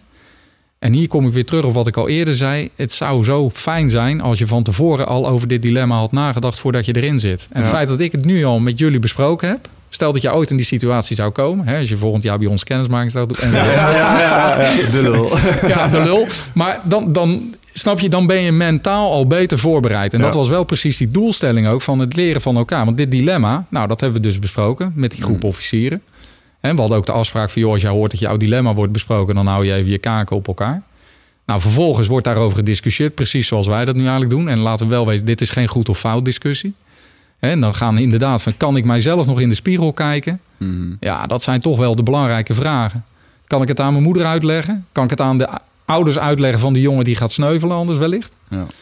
En op het moment dat je dat van tevoren doet, dan ben je zelf eigenlijk mentaal aan het prepareren. En dat, dat is denk ik een heel belangrijke les van de afgelopen tien jaar. Ja, en met dat je deze casussen behandelt, behandel je eigenlijk ook allerlei soortgelijke casussen waarbij je in. Correct. Ja, Ja. snap ik. Zit jij eh, vaak in je hoofd? Eh, neem je heel veel informatie tot je video's, podcast, boeken? Eh, nou, voel je niet schuldig, dat doen heel veel mensen natuurlijk. Hè, maar vaak zijn we op zoek naar antwoorden. Ehm, gaan we nog meer informatie tot ons nemen. Terwijl ja, de antwoorden liggen toch echt in onszelf. En dat is iets wat we voelen met ons lichaam. Maar vaak zijn we zo erg in ons hoofd bezig ja, dat we dat ook niet meer, dat we daar niet meer echt goed bij kunnen. En dat is graag waar ik je voor uit wil nodigen. Voor Rite of Passage. 24, 25 en 26 mei is er weer een nieuwe editie. Voor mijn retreat voor persoonlijke ontwikkeling. Waarbij het thema echt is om uit het hoofd te komen in dat lichaam. Want dat is waar je alles ervaart. En ik wil dat je gewoon weer in contact komt met, met die, die intuïtie. Ehm, en dan gewoon een heel sterk uh, innerlijk kompas. Dat je gewoon weer weet waar je naartoe moet, wat je te doen staat. En dat je gewoon weer helderheid hebt over wat je wilt en hoe dat je dat gaat doen. En dat doen we middels uh, bio-energetische oefeningen, dynamische meditaties, een stuk shamanisme zit erin. Het enige wat er bekend is van het programma is dat er een zweethut in zit. Uh, en natuurlijk gewoon hands-on persoonlijk leiderschap. Uh, dit retreat krijgt een 9,2 gemiddelde van meer dan 331 deelnemers. Daar ben ik ontzettend trots op. Sterker nog, er is ook een money back guarantee. Vind je niks na drie dagen, krijg je gewoon je geld terug. Dus het enige risico dat je loopt, is dat je gelukkiger wordt. Klinkt dit als iets voor jou en durf je het aan? Dan zie ik je op Ride of Passage. Ga naar wichertmeerman.nl en klik op Retreat. Maar je raakt ook meteen um, de gevolgen ervan. Want stel nou dat ik ervoor had gekozen, um, uh, ik trek terug. En uh, ja, het is één grote puinhoop geworden en uh, de missie is mislukt. En met een hoop gewonden. Dan kom je aan het, aan het aspect van terugkomen. En ook weer ermee leren leven. En ja. dat zijn denk ik zeker wel dingen die jullie in de afgelopen 50 jaar ja, zeker na de Tweede Wereldoorlog was het een, een, moeten een hele hoop mensen ja, hè, met een hoop trauma en dingetjes. En natuurlijk is dat professionele, professionele hulp is, heeft een intrede gedaan in het Nederlandse leger. Maar is er, wordt daar proactief op, op gewerkt, op dat soort uh, kwesties? Kun je daar mensen ook daadwerkelijk echt in helpen? Want het is echt psychologische knauwen die mensen daaraan over kunnen houden. Of zichzelf aanpraten. Of ja, de, de is moeilijk wat dat betreft. Nee, zeker, zeker waar. Psyche is heel moeilijk, heel individueel vaak. En je doet het nooit goed genoeg. Um, als organisatie denk ik dat we de afgelopen 15 jaar uh, daar heel veel goede stappen hebben gezet. Um, het ook uh, veel beter, er veel meer aandacht en zorg voor is dan 50 jaar geleden. Als je drie jaar in India had gediend, uh, eind jaren 40 en je kwam terug naar Nederland, ja, dan was er verder niks. Ja. Um, wat wij gemerkt hebben, wat, wat heel belangrijk is, dat is aan de ene kant, hè, waar ik al een paar keer op gehamerd heb, op, op voorbereiding. Maar het tweede wat echt een hele belangrijke rol speelt, dat is uh, wat wij nulde lijn zorg noemen. En nulde lijn zorg, dat is de vent links en rechts van je. Dat zijn toch de jongens die diezelfde ervaring hebben meegemaakt, waar je over kan spreken. Mm -hmm. En dat is gelijk het tweede punt. Je moet een eenheid creëren of een, uh, een krijgsmacht hebben. En ik denk dat we daar heel eind mee op weg zijn. Waar het volkomen normaal is om over dit soort dingen te praten. Mm.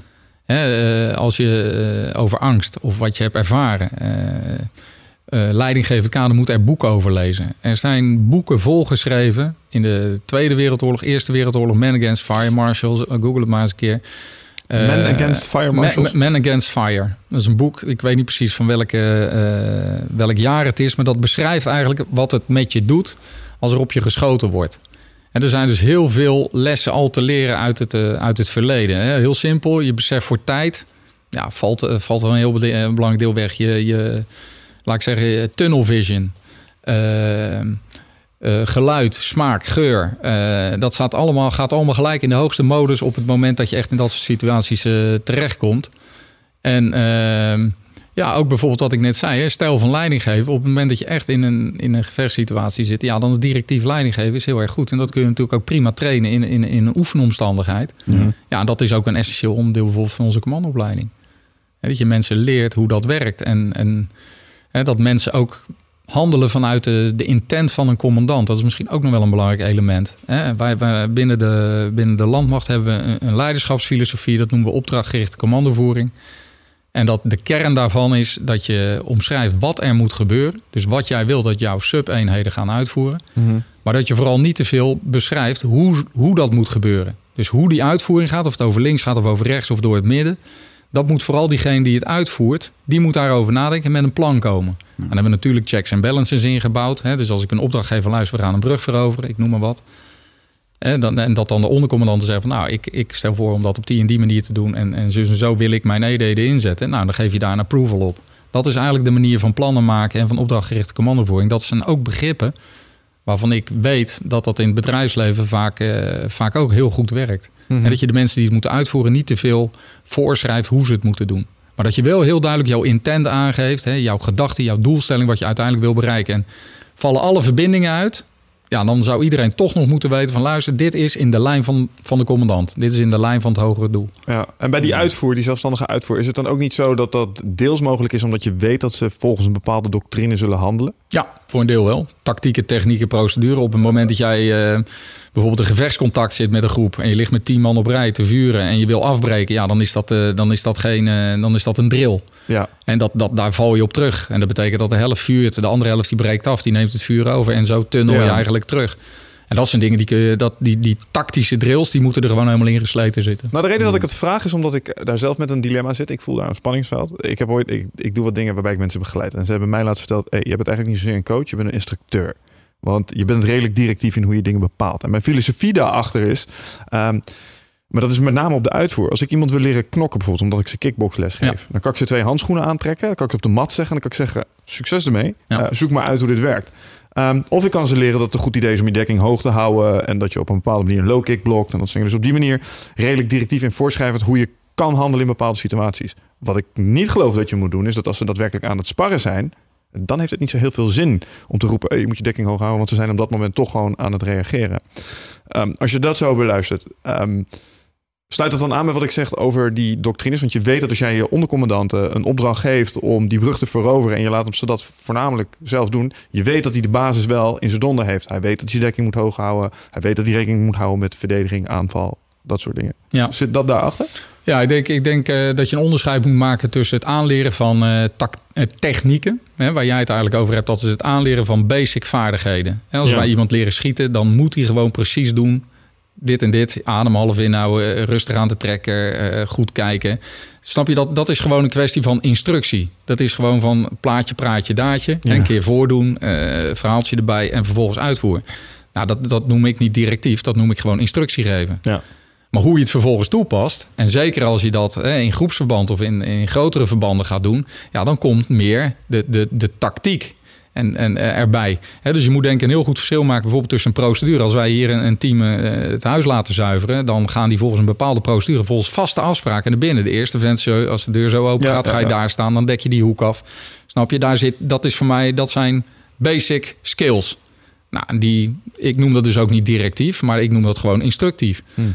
Eh, en vervolgens in de uitvoering, ja, dan, dan kun je zeggen van luisteren. ehm, hè, want als, als inderdaad je een plattegrond hebt van het huis en dan blijkt er toch in één keer een tussenmuur uitgebroken te zijn, ja, dan kun je van tevoren afspreken, wil jij pakt de tweede kamer, jij de, de- ja, dat werkt ook niet. Die zijn er niet Ja. meer. Er is nu één kamer. Ja, en dat precies. gaan we oplossen. Ja. Ja. En dat is weer die frictie. Ja. Hè, En hoe je daar dan weer mee omgaat. Ja, en dat, eh, Je had het net over, je moet maar veel boeken lezen over oorlogsverhalen. En ik eh, Ja. moest meteen denken aan één verhaal wat mij echt eh, gruwelijk is bijgebleven over...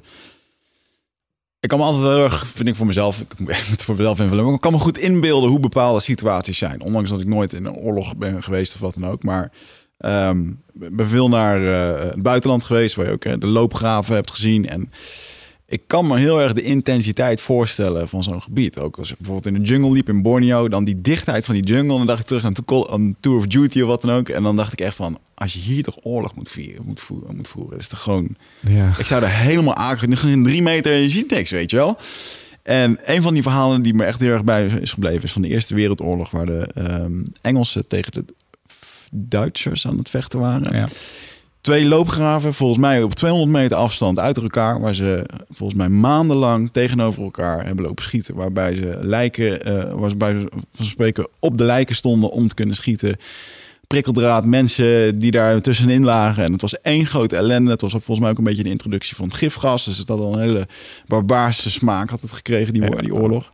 En dat er op een gegeven moment tijdens de kerst... eh, dat geloof ik iemand op een viool zat te spelen aan een van de kampen. En dat er een soort van eh, afspraak is gemaakt van... eh, vandaag schieten we gewoon niet. En, eh, Hebben ze toen niet zelfs een potje staan voetballen? ja, twee Dagen, toen hebben ze twee dagen later inderdaad dingen uit staan wisselen, zijn roken en eh, eh, ja, me voetballen. En dan gewoon de volgende dag per 1 januari, jongens, eh lock en load. Ja. ja, dat zijn toch wel, ja, ja, surrealistisch. surrealistisch inderdaad. Wat, wat, wat, is jouw, wat is een verhaal wat jou heel erg is bijgebleven in dit soort...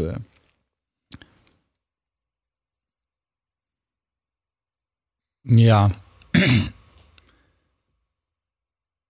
Kijk, op het moment dat je, ehm, laat ik zeggen, besluiten neemt eh, waarbij mensen eh, gewond kunnen raken of, eh, of kunnen sneuvelen, dan raak je wel de kern van militair leiderschap. Mhm. En het is natuurlijk toch anders of je aandelenkoers keldert of dat je echt, ja, je echt verantwoordelijk bent voor, ja, voor, voor het wel en wee van je, van je eenheid. En dat zijn wel de momenten die je wel bijblijven. Op het moment dat je dat soort besluiten neemt, waarvan je van tevoren ook niet weet of het, eh, eh, of, of het de juiste besluiten zijn. Dat weet je namelijk nooit. Mhm. Eh, ja, dat, dat, dat, blijf je, dat blijf je wel bij, ja. Wat is de moeilijkste keuze die jij ooit hebt moeten maken? Vraag van onze luisteraars overigens. Ja. De moeilijkste keus. Ja, ik heb ooit wel een keus gemaakt en daar is iemand eh, gesneuveld. Maar het bizarre is dat dat niet de moeilijkste keus was. Het was wel een keus die, laat ik zeggen, op dat moment essentieel was. Omdat anders de gevolgen eh, nog ellendiger zouden zijn. Mhm. Dus in die zin is dat als je terugkijkt. eh, maar op dat moment was het, was het niet een, een keuze waar ik heel erg, eh, heel erg van, eh, van wakker lag. Eh, maar de gevolgen zijn wel, eh, ja, die zijn wel heel intens. Wat vervolgens wel geholpen heeft bij mij, is dat, eh, dat na afloop eh, mijn inschatting wel juist was. Mhm. Dus dat zijn, dat zijn dan wel de, laat ik zeggen, de, ja, de dingen die je meeneemt. En nee, ik zeg wel eens, het is een heel dun lijntje. Eh, Marco Kroon, Gijs Tuymans, twee jongens die bij ons uit de eenheid komen. Die allebei eh, heel veel ervaring hebben eh, opgedaan eh, in dit soort eh, scenario's in, eh in Oeroesgan. Ja. Die realiseren zich als geen ander dat het een flinterdun lijntje is tussen, eh, tussen een wit kruis op een begraafplaats in Loenen en een militaire Willemsorde. Ja. Dat is een flinterdun lijntje. Het voelt echt alsof jullie constant worden gedwongen om te kiezen tussen kwaden. Ja. Ja, kijk, je, Zo- moet, je, zo- moet, je zo- moet het ook zo zien dat, dat, dat, dat die, die, die, dit soort beslissingen in, in een militaire loopbaan eh, natuurlijk niet heel veel voorkomen. Maar waar ik in ieder geval nu als commandant van het Korps Commandotroepen eh, alle effort insteek, dat is die luitenants en die kapiteins en die ervaren onderofficieren die er lopen. Die moeten optimaal getraind zijn om op dat ene moment Mhm. wat misschien zich één keer, misschien nooit, hopelijk misschien wel nooit. Maar dat ze dan wel de juiste bagage hebben. En dat is wel waar wij continu mee bezig zijn. En dat Ja. geldt niet alleen voor het KST, dat geldt ook voor, ook voor, voor de landmacht, voor de rest van, van de krijgsmacht. Je moet je mensen optimaal in de gelegenheid zijn. En in die zin, hè, ik ben nu kolonel, ehm, ben je vooral randvoorwaarden schepper. Je bent degene die moet faciliteren dat die kennis wordt overgedragen. Dat, dat dit soort discussies worden gevoerd. Dat je mensen beter maakt. Mhm. Eh, en je realiseert je tegelijk dat, je, dat er soms ook ja, misschien achteraf verkeerde besluiten worden genomen. Hè, Marco Kroon, ja, buitengewoon dapper geweest. Buitengewoon. Gijs Tuinman, buitengewoon dapper geweest. Een kernwaarde bij ons in het korps is moed. En moed is datgene doen wat nodig is, ongeacht de consequenties voor jezelf. Dat is wat moed is. En dat is wat die jongens bij mij eh, en dan zeg ik maar weer, eh, en, en vrouwen die ook dienen bij het korps. eh, dat is wat, wat, wat, wat, wat, wat daar aanwezig is. Die, die gaan namelijk die 60 meter naar voren, achter dat veilige muurtje vandaan, om die gewonde corporaal te redden, die na later bleek gesneuveld was. Hmm. Omdat ze anders zichzelf niet in de spiegel zouden kunnen kijken als ze terug zouden komen. En dan krijg je een militaire Willemsorde.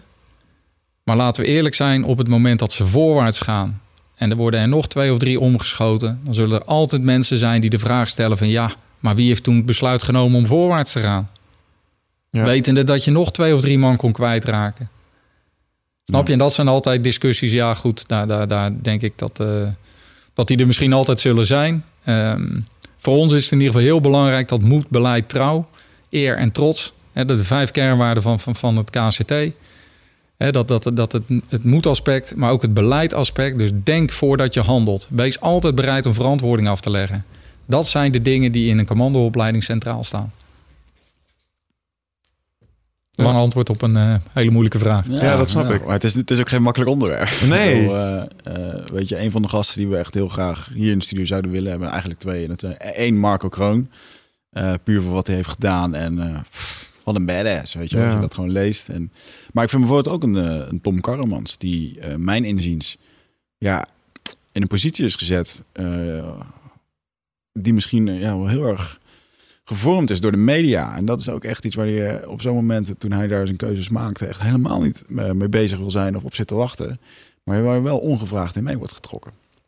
Nou, ik denk eh, de- in de jaren negentig hebben we natuurlijk eh, de val van de muur gehad. Eh, en is de krijgsmacht compleet getransformeerd. Eh, onze core business was eind jaren 80 eh Warschau-pak tegenhouden. Hmm. Tijd winnen, zodat de Amerikanen tijd hadden om over de Atlantic te komen en te hulp te schieten. Dat was eigenlijk het bestaansrecht van, van de Nederlandse krijgsmacht op dat moment. Dan zie je dat de muur valt, hè, dat de ontspanning optreedt, dat het vredesdividend razendsnel wordt geïnd. Eh, dat de krijgsmacht ook op zoek is naar van ja, wat betekent dat voor ons? Wat zou nu voor ons eh, moeten zijn? Nou, je ziet dat de core business eigenlijk eh, in de globalisering, ja, tegenwoordig is expeditionair over de hele wereld met een korte reactietijd ingezet worden om, ja, om bijdrage te leveren aan, aan de veiligheid in de wereld. Ja. En tegelijk zie je die verandering van dienstplicht naar BBT. Hè, dus het belangrijkste productiemiddel wat we hebben, onze, onze, onze mensen, wat verandert. Ja, en de derde zie je een enorme downsizing. Hè, 900 tanks hadden we 20 jaar geleden. We hebben er nu nul. Nul tanks. Ehm, hetzelfde geldt voor, voor, voor fregatten, voor, voor jachtvliegtuigen. Die aantallen die zijn niet meer te vergelijken met, met wat we hadden. En dan zeg ik niet van, nou, dat moeten we allemaal razendsnel weer gaan, eh, gaan terugkopen. Ja. Nee, we moeten nu heel verstandig kijken naar de toekomst, wat daarvoor nodig is. En, ehm, maar dat is wel een constatering. Nou, en in, in dat tijdframe ja, is natuurlijk ook de inzet in, eh, in de Balkan in de midden jaren negentig eh, natuurlijk toch iets geweest waar we, eh, ja, waar we in ieder geval, denk ik ook, in, in razendsnel tempo weer heel veel lessen hebben geleerd. Hè. En een toetsingskader is daar denk ik een heel, heel goed voorbeeld van. Dus niet meer naïef misschien eh, deelnemen aan, eh, aan missies waar je bijvoorbeeld dingen als escalatiedominantie, hè, dus dat je, laat ik zeggen, zelf altijd in staat bent om eh, gepaste geweld toe te passen. Ja, Ja, dat je dat niet zou moeten willen. ja, ja.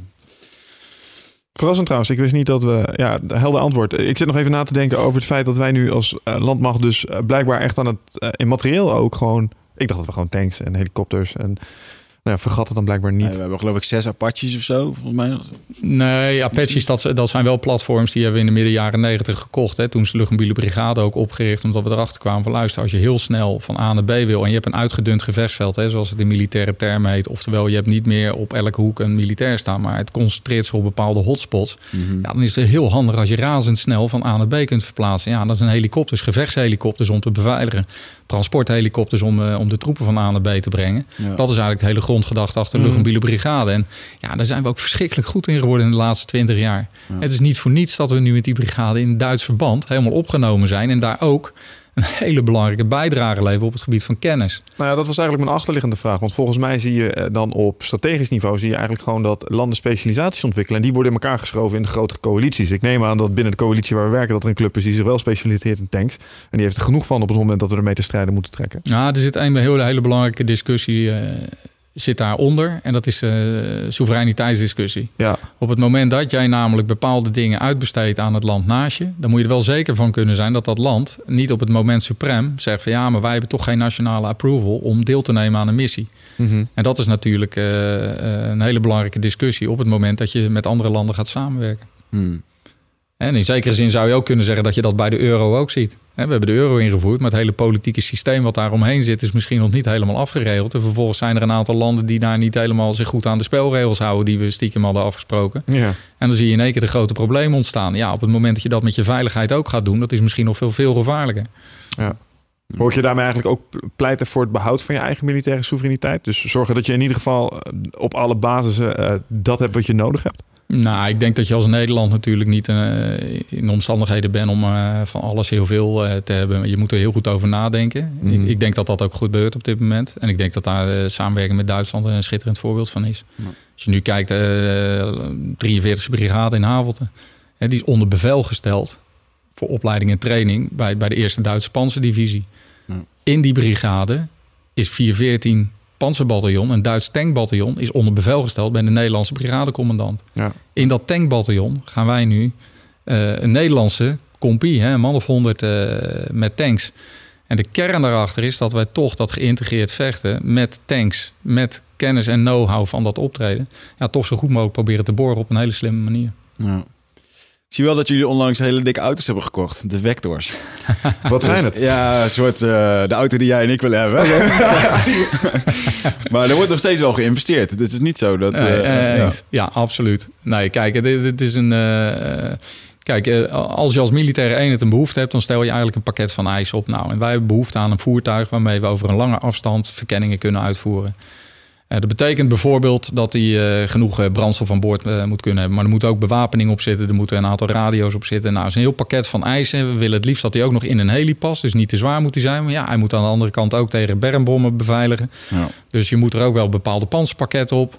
Nou, vervolgens heb je dat pakket van eisen opgesteld. En dan hebben wij de Defensie Materieelorganisatie. Dat is eigenlijk een heel grote kennisbedrijf binnen Defensie. Die gaat de markt op. En die schrijft een aantal bedrijven aan. Die zegt van, joh, ik wil zo'n auto hebben die dit kan. Bestaat die überhaupt al? Nou, dan zijn er een aantal bedrijven die dan aangeven... nou ja, die hebben wij. Die hebben wij in de catalogus en die kun je kopen. Uh, maar het kan ook zijn dat, dat die eisen zo veelomvattend zijn... dat je af en toe water ja, op bepaalde vlakken in de wijn moet doen. Nou, het geval van de Vector is het zo dat, een, uh, dat er een uh, drietal kandidaten overgebleven waren... en dat een Nederlandse kennisbedrijf uh, uiteindelijk de beste deal had. en die hebben twee prototypes ontwikkeld... Ja. waarbij ehm, de, het voertuig gebaseerd is op een McRae Rally voertuig. Dus dat is een voertuig wat Parijs-Dakar heeft gereden... En waarbij heel veel expertise ook bij het bedrijf en bij de aandeelhouders aanwezig is op het gebied van, van treinwaardigheid en, en, en mobiliteit. Dus echt mensen die Parijs-Dakar een aantal keren hadden gereden, ja, die weten echt wel hoe je, hoe je een goede treinauto in elkaar ja, Dus iets wat het blijft doen met zand in de motor. Nou, exact. ja. Nou ja, een goed voorbeeld. Een dubbel koelsysteem. Ja, ja, Als, als een koelsysteem een kogel vangt, ja, dan hebben we een tweede koelsysteem dat je nog kan blijven rijden. Hè? Flat tires. Dus als je je band kapot schiet, dat je er gewoon op kan doorrijden. Ja. Uh, nou, dat voertuig is ontwikkeld in, in, in relatief korte tijd, anderhalf, twee jaar. Ook met, met gebruik van kennis van, van de hogescholen, autotechnieken uh, zit er allemaal in. Ja, en vervolgens hebben we vorig jaar om deze tijd zo'n beetje... heeft de Defensie Materieelorganisatie en de afdeling van de landmacht die beproevingen doet... die hebben twee voertuigen gekregen. Dat is een heel uitgebreid testtraject. Want ja, als je iets koopt wat ontwikkeld wordt... ja, daar zitten altijd kinderziektes in... Mm. Nou, vervolgens is dat een jaar lang is dat getest. Waarbij we ook testen op de schietbaan van... hé, hey, komen er scheurtjes in het chassis... omdat wij met een punt 50 strop staan te schieten. En, en we hebben de, het voertuig uh, zes weken in Mali ontplooid gehad... omdat inderdaad stof en hitte... ja, dat zijn tot wel twee killers als je met uh, voertuigen optreedt. Maar ook zaken als ergonomie. Hè? Hoe is het om uh, zes uur in die auto te zitten bij plus 50? Ja. Als die kapot gaat, hoe eenvoudig kun je hem repareren? Mm -hmm. Hè, op het moment dat je computers nodig hebt om hem te maken. Ja, en al die, al die beproevingen ja, die hebben geleid tot een hele lijst aan uh, extra wensen of aanpassingen. En uh, dat proces zitten we nu. En uh, ja, het bedrijf is nu daarmee aan de slag. En ik verwacht dat dat, ja, dat, dat komend jaar definitief zal zijn. En dat, ja, dat betekent dat wij een, inderdaad een hele mooie, mooie auto krijgen om onze, onze opdrachten te doen. Ja, dat brengt me wel bij een vraag over um, um, de tactische inzet, zeg maar, en materieel. Um, ik heb ooit eens een keer um, toernooitjes paintball gedaan. En waar je daar al redelijk snel achter kwam, is dat er een groot, groot verschil zit tussen huurmarkers. Dus hè, verfbalpistolen die je kan uh, huren op de baan of zelf aangeschaft materiaal. Want dat schiet accurater, dat schiet verder, dat schiet beter. Um, in hoeverre is dat in het echte werk, zeg maar, ook in praktijk, dat materiaal echt doorslaggevend is voor je tactisch voordeel? Of komt het uiteindelijk toch neer op de skills van degene die het wapen bedient? Nou, het is wel een combinatie. Kijk, op het moment dat jij nachtzichtapparatuur hebt die gewoon dominant is, ja, dan, dan, dan ben je gewoon s'nachts ruim in het voordeel. Als jij een wapen hebt wat, uh, wat verder kan schieten dan dat van je tegenstander, ja, dan ben je ruim in het voordeel. Ja. Maar uh, jouw eigen skills, uh, die, die, die, zijn wel, die zijn wel, ja, ik wil niet zeggen minstens zo belangrijk, maar die zijn net zo bepalend. Um, dus materieel is ongelooflijk belangrijk. En dat is eigenlijk ook wat we continu proberen. Om, om ook op de markt te blijven kijken van... hé, hey, wat wordt er ontwikkeld? Hè? Drones is, is daar denk ik ook een goed voorbeeld van. Uh, uh, waarbij je met een minimum aan risico toch uh, effecten kan creëren. Mm -hmm. En dat is waar we heel veel... Wij noemen dat concept development en experimentation. Dus in, nou, ik denk de Vector is daar een mooi voorbeeld van. Um, ander voorbeeld waar we nu waar we nu mee bezig zijn. eh, die zijn gisteren toevallig gedropt. Dat zijn eh, twee nieuwe vaartuigen. Hè. We, hebben, we hebben ook voor het optreden op kanalen, rivieren, binnenwateren, daar hebben we ook een taak. Dus daar hebben we twee gloednieuwe eh, aanvalsboten voor. Ja, en dat, dat is echt state of the art eh, op dat vlak. Maar ik kan je nu al vertellen dat dat over tien jaar en nieuwe technieken zijn. eh, Forward-looking infrared. Dus eh, systemen waarmee je heel ver vooruit kan kijken voor je eigen nabijbeveiliging. Eh, dat, dat is ongoing. En dat, wat we eigenlijk doen, dat is heel slim kijken van hey, wat gebeurt er om ons heen? Hè, wat is er op de civiele markt eh, eh, in ontwikkeling te koop op het gebied van, eh, nou ja, op het gebied van software of, of wat iets meer zijn, battlefield man- management systemen, Blue Force trackers. En hoe integreer je dat in jouw optreden zonder dat je er 100% afhankelijk van wordt? Want dat is natuurlijk wel vaak het dilemma. Ja, als jij helemaal blind vaart op jouw digitaal systeem en, en de tegenstander die jamt het en je bent in één keer blind eh, in het elektronisch domein, ja, dan, dan, dan weet je wel, daar moet je wel over nagedacht hebben. Ja. Ja, ik zit even te denken aan, eh, dan ga je terug naar het eh, mes tussen de tanden en eh, Ja. moet je Ja. daar terug kunnen vallen. Ja, daar moet je op terug kunnen vallen, ja, want dat blijft wel de basis. Mm. Nou ja, volgens mij worden jullie ook gewoon nog steeds, of leren jullie je, je mensen ook nog steeds wat je moet doen op het moment dat je tegenover iemand staat en je pistool doet het niet meer. Ja, absoluut. Ik bedoel, ja. Ik zat net te denken aan die opleiding, want daar kregen we heel veel vragen over. We hebben het er even heel kort over gehad. Maar wat zijn nou eigenlijk de fundamentele ja, stukken van die opleiding? Wat, wat, wat mag je verwachten als je aan de commandoopleiding gaat beginnen? Ja. Nou, ik denk eh, dat we dat, eh, als je werk bij Defensie eh, commando intikt, dan, dan denk ik dat we daar ook een goede slag gemaakt hebben de laatste tien jaar door mensen een heel goed beeld te schetsen van wat, wat verwachten we nu precies. Hè, dus dat is, het, dat is het eerste. Het belangrijkste is dat je het meer dan wat dan ook in de wereld wil. Het tweede is, je moet fysiek basisfit zijn. En wat we wel merken is dat als mensen blessures hebben, hè, bijvoorbeeld, nou, je haalde zelf het voorbeeld aan dat jij vier plekken je voet gebroken hebt. Dat, dat, dat is wel een extra risico. Dat wil niet zeggen dat dat gelijk een afkeurnorm is. Hè. Daar zou echt even een specialist naar moeten kijken. Maar we merken wel dat we eh, mensen dusdanig belasten dat oude blessures vaak wel weer opkomen poppen. Zonder dat dat, eh, ja, eh, eh, soms vallen mensen daarop af, maar ja, soms ook, eh, soms ook niet.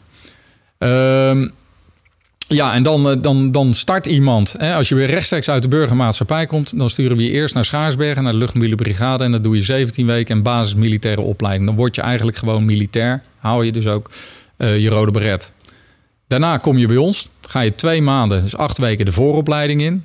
Zit je toch 75% van in het veld. En dan leer je gewoon echt leven in het veld. Dus bij weer en ontij en weinig slaap. Hoe pak je je rugzak in? Hoe, hoe, hoe, maak je een, een, een, een observatiepost? eh, werken met de radius, met de spullen in de praktijk. Maar het is vooral ook een fysieke eh, prikkel om je gereed te maken voor, voor het werk wat we, wat we daarna doen. En, en de commandoopleiding, ja, dat is eigenlijk een achtweekse opleiding. Waarbij we echt het uiterste van mensen, van mensen vragen. Eh, ja, en dat, dat, dat, dat begint op zondagavond. Dat eindigt meestal niet altijd op vrijdagmiddag. En dat is eigenlijk een non-stop, eh, non-stop eh, ja, entertainmentprogramma, zou ik bijna zeggen. Waarbij we met name die, die kernwaardes leidend laten zijn in wat we doen. En voor een deel is het aanleren van vaardigheden. En voor een deel is het ook fysiek conditioneren. Ehm, maar om je voorbeeld te geven, als wij hè, memorizing eh, noemen we dat, dan, dan krijgt iemand een, eh, ja, een, kaartje te zien en dan moet hij een heel aantal details van onthouden. Een frequentie, een coördinaat of een foto van iemand, eh, of een foto van een huis of een plattegrond met een route. Vervolgens gaat hij een fysiek parcours doen. Moet hij onderweg ook nog wat medische handelingen doen. En anderhalf uur later, dan vragen we om de details van dat kaartje. Ja. Ja, dus je moet aan de ene kant, laat ik zeggen, heel snel kunnen handelen. Onder fysiek zware omstandigheden dingen blijven doen, maar wel blijven nadenken. Nou, en dat zijn allemaal elementen die... eh, en dan zijn er ook een aantal vaste elementen... die, die eigenlijk in 1942 al in uh, Acne Carry ook terugkwamen. Dat zijn bijvoorbeeld uh, lange speedmarsen. Uh, en er zit ook wat symboliek in. Omdat wij ervan overtuigd zijn dat symbolen, tradities... Dat dat absoluut leidt tot trots. Mhm. Mm -hmm. tot esprit de corps. En ook de binnenkomst op de laatste, de laatste dag van de commandoopleiding op vrijdagochtend is het altijd. Dan, komen die jongens die het halen, die komen de, de poort binnenlopen.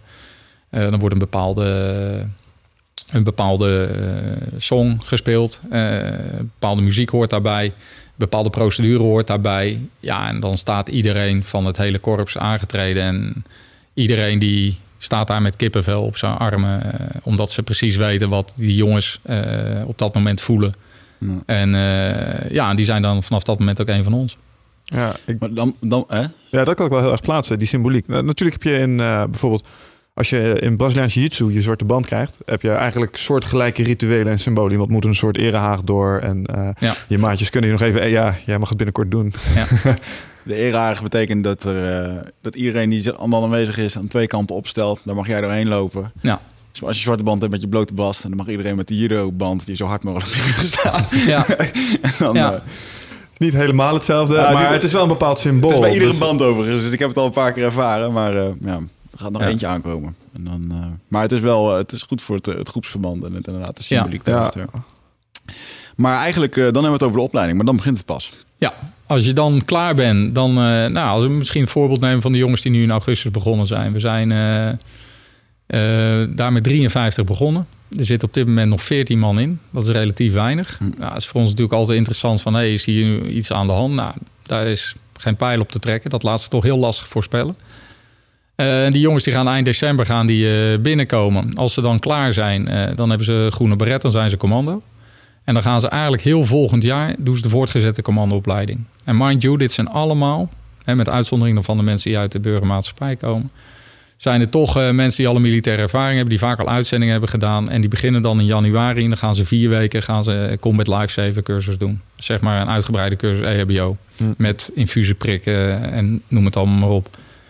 Vervolgens eh, zit er in het, eh, in het jaar een, een programma waarbij ze allemaal opgeleid worden tot operationeel para. Dus parachutist. Hè, dus met een vrij valscherm bij nacht met je rugzak uit een vliegtuig kunnen vallen. En op de goede plek terecht kunnen komen. Ook niet onbelangrijk. Dus dat is Ook een onbelangrijk. halo-training, waarbij je ook bewusteloos raakt in de lucht en dan weer bijkomt in de lucht. En nee, dan dat weer- is, dat, is, dat is echt een, een voortgezette opleiding. Daar kan ik zo wel wat over vertellen. Ja. Maar misschien, misschien handig om Ja, nu ja. eerst dat jaar af te werken. Ja, die Vervolgens, mensen zijn gek. maar goed, ga verder. Ja. Nee, dat is fantastisch. Nee, vervolgens krijgen, krijgen, krijgen ze aanvullende trainingen. Het optreden in, eh, in verstedelijk gebied. Dus in, in, eh, in gebouwen, in, in, eh, in dorpjes. Hoe je, daar, hoe je daar beweegt met je team, met je patrouille. Optreden met voertuigen, optreden in de bergen. Hè, dus we gaan of naar Oostenrijk of naar Noorwegen. Optreden in, in de kou en in het hooggebergte.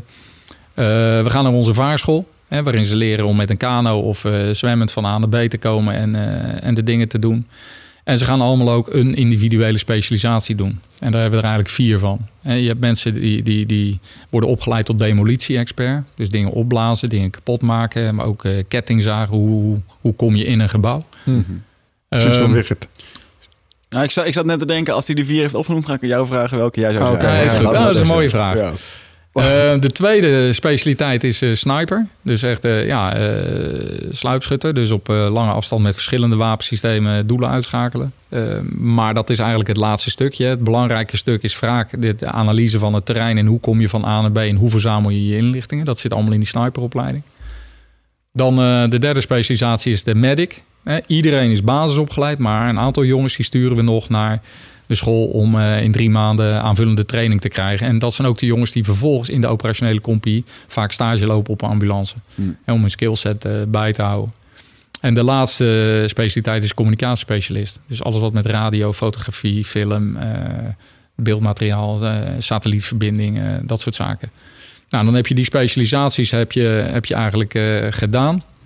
En als je daar inderdaad een keuze tussen zou moeten maken, dan moet je zeker eventjes naar die, eh, naar die website gaan en werken bij Defensie Commando. Er staan voor alle vier die specialisaties staan clipjes van vier minuten. Misschien heb je ze wel eens Ja, gezien. ik heb ze niet gezien. nee. Maar die geven echt een goed beeld van nou, wat, wat betekent dat nu precies in het grote verband om die specialisatie te hebben. Hmm. Ja, en dan volgend jaar december zijn die jongens klaar. En dan stromen ze in bij een van de vier compieën. Ja, en dan is het afhankelijk van het programma wat die compie draait... of de uitzendingen op de rol staan. Eh, ja, en op dit moment eh, gaat bijna iedereen of naar Mali of naar Bagdad... eh, Ja. eh, of, of naar allebei in een bepaalde ritmiek. En? Ja, een moeilijke vraag. Ik zou het, voor de podcast met Noël zou ik hebben gezegd waarschijnlijk sniper. Want dat klinkt, dat klinkt als, nou ja, nou, leuk werk wil ik niet zeggen. Maar dat klinkt ook als heel waardevol. En er zitten een aantal elementen in zoals informatie vergaderen en analytisch optreden wat me heel erg aanspreekt. Maar Noël die heeft ook wel dingen uit de praktijk verteld. Hij is ook een combat medic geweest. En eh, wat je dan op dat moment kan betekenen uh, on the ground Ja. voor je buddies. Ehm, Ik denk dat dat sterker zou wegen op dit moment. Nou, maar wat we nu in, Ma- in, eh, in Bagdad eh, aan het doen zijn, hè, daar, daar, daar neemt Nederland deel met. Eigenlijk op twee locaties. In het noorden in Erbil, eh, daar worden met name eh, de Koerden getraind. En wij zijn eh, bezig met het opleiden van de Irak Special Forces in, in Bagdad. En ehm, daar geven we aan de ene kant een commandocursus om die mannen echt optimaal basismilitair opgeleid ja, aan de startstreep te zetten. Want die gaan daarna gelijk vaak rechtstreeks door naar het front.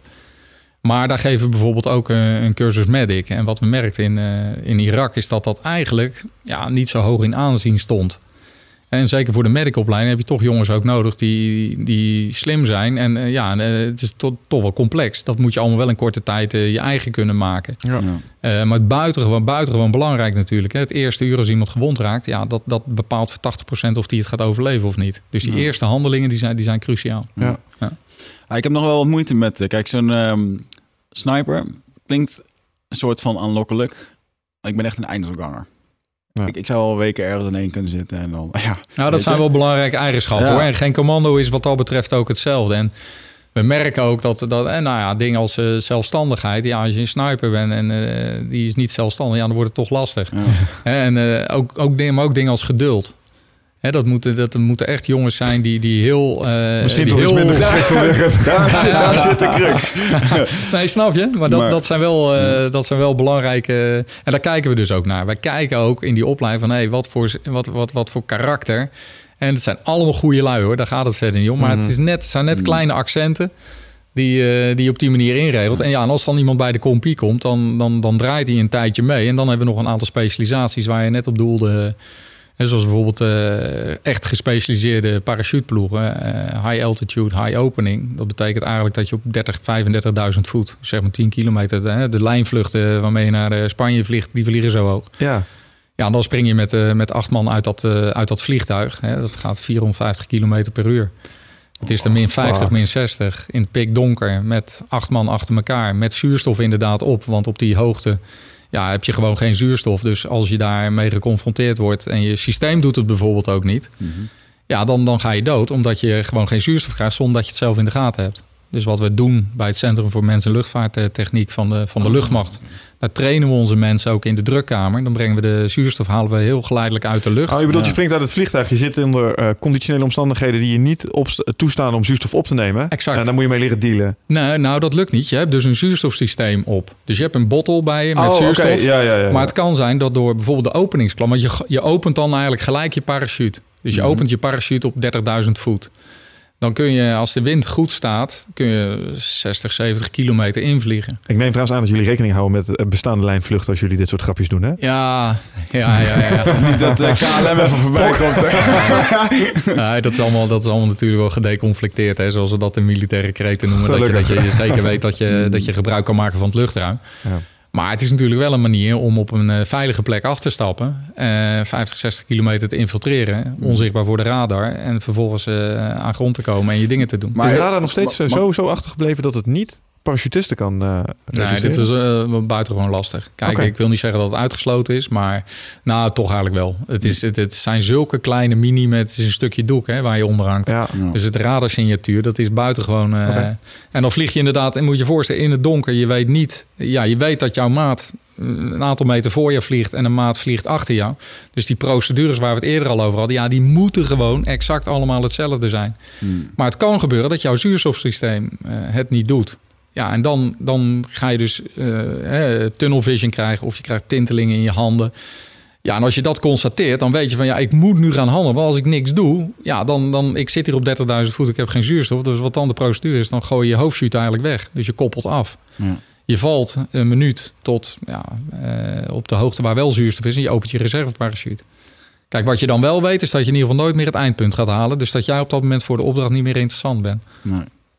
En ben je dan eh, missing in, nee, missing in eh, MIA? Nou, in principe eh, er moet er nog wel heel veel meer misgaan. Want je hebt systemen bij je dat je in ieder geval niet missing bent, maar dat we wel weten waar je bent. En, ja.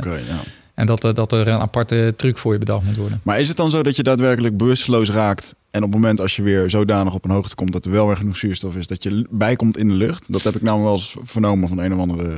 Ja, het is, het is, dit, uh, ik ben ook geen expert uh, hypoxia, dus uh, zuurstofgebrek in de hersenen. Dat is, dat is vaak toch een beetje individueel gebonden. Maar je moet, niet, je moet geen vijf minuten zonder zuurstof nee. zitten. Dan wordt het toch wel heel, hmm. heel lastig. Dat zit ook in die dag als wij komen, toch? Ja, ja dan ga ik kijken hoe jij het doet. Mooi. Wat kost het eigenlijk om een commando op te leiden?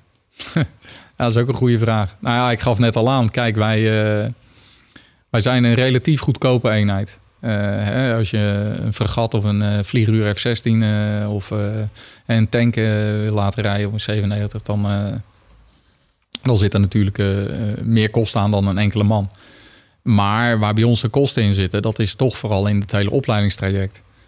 Ehm en dat, eh, ja, dat, dat zei ik net al, dat kost alleen al aan, uh, aan loonkosten. Ben je anderhalf jaar uh, ben je iemand aan het opleiden voordat je hem echt kan inzetten. Ja.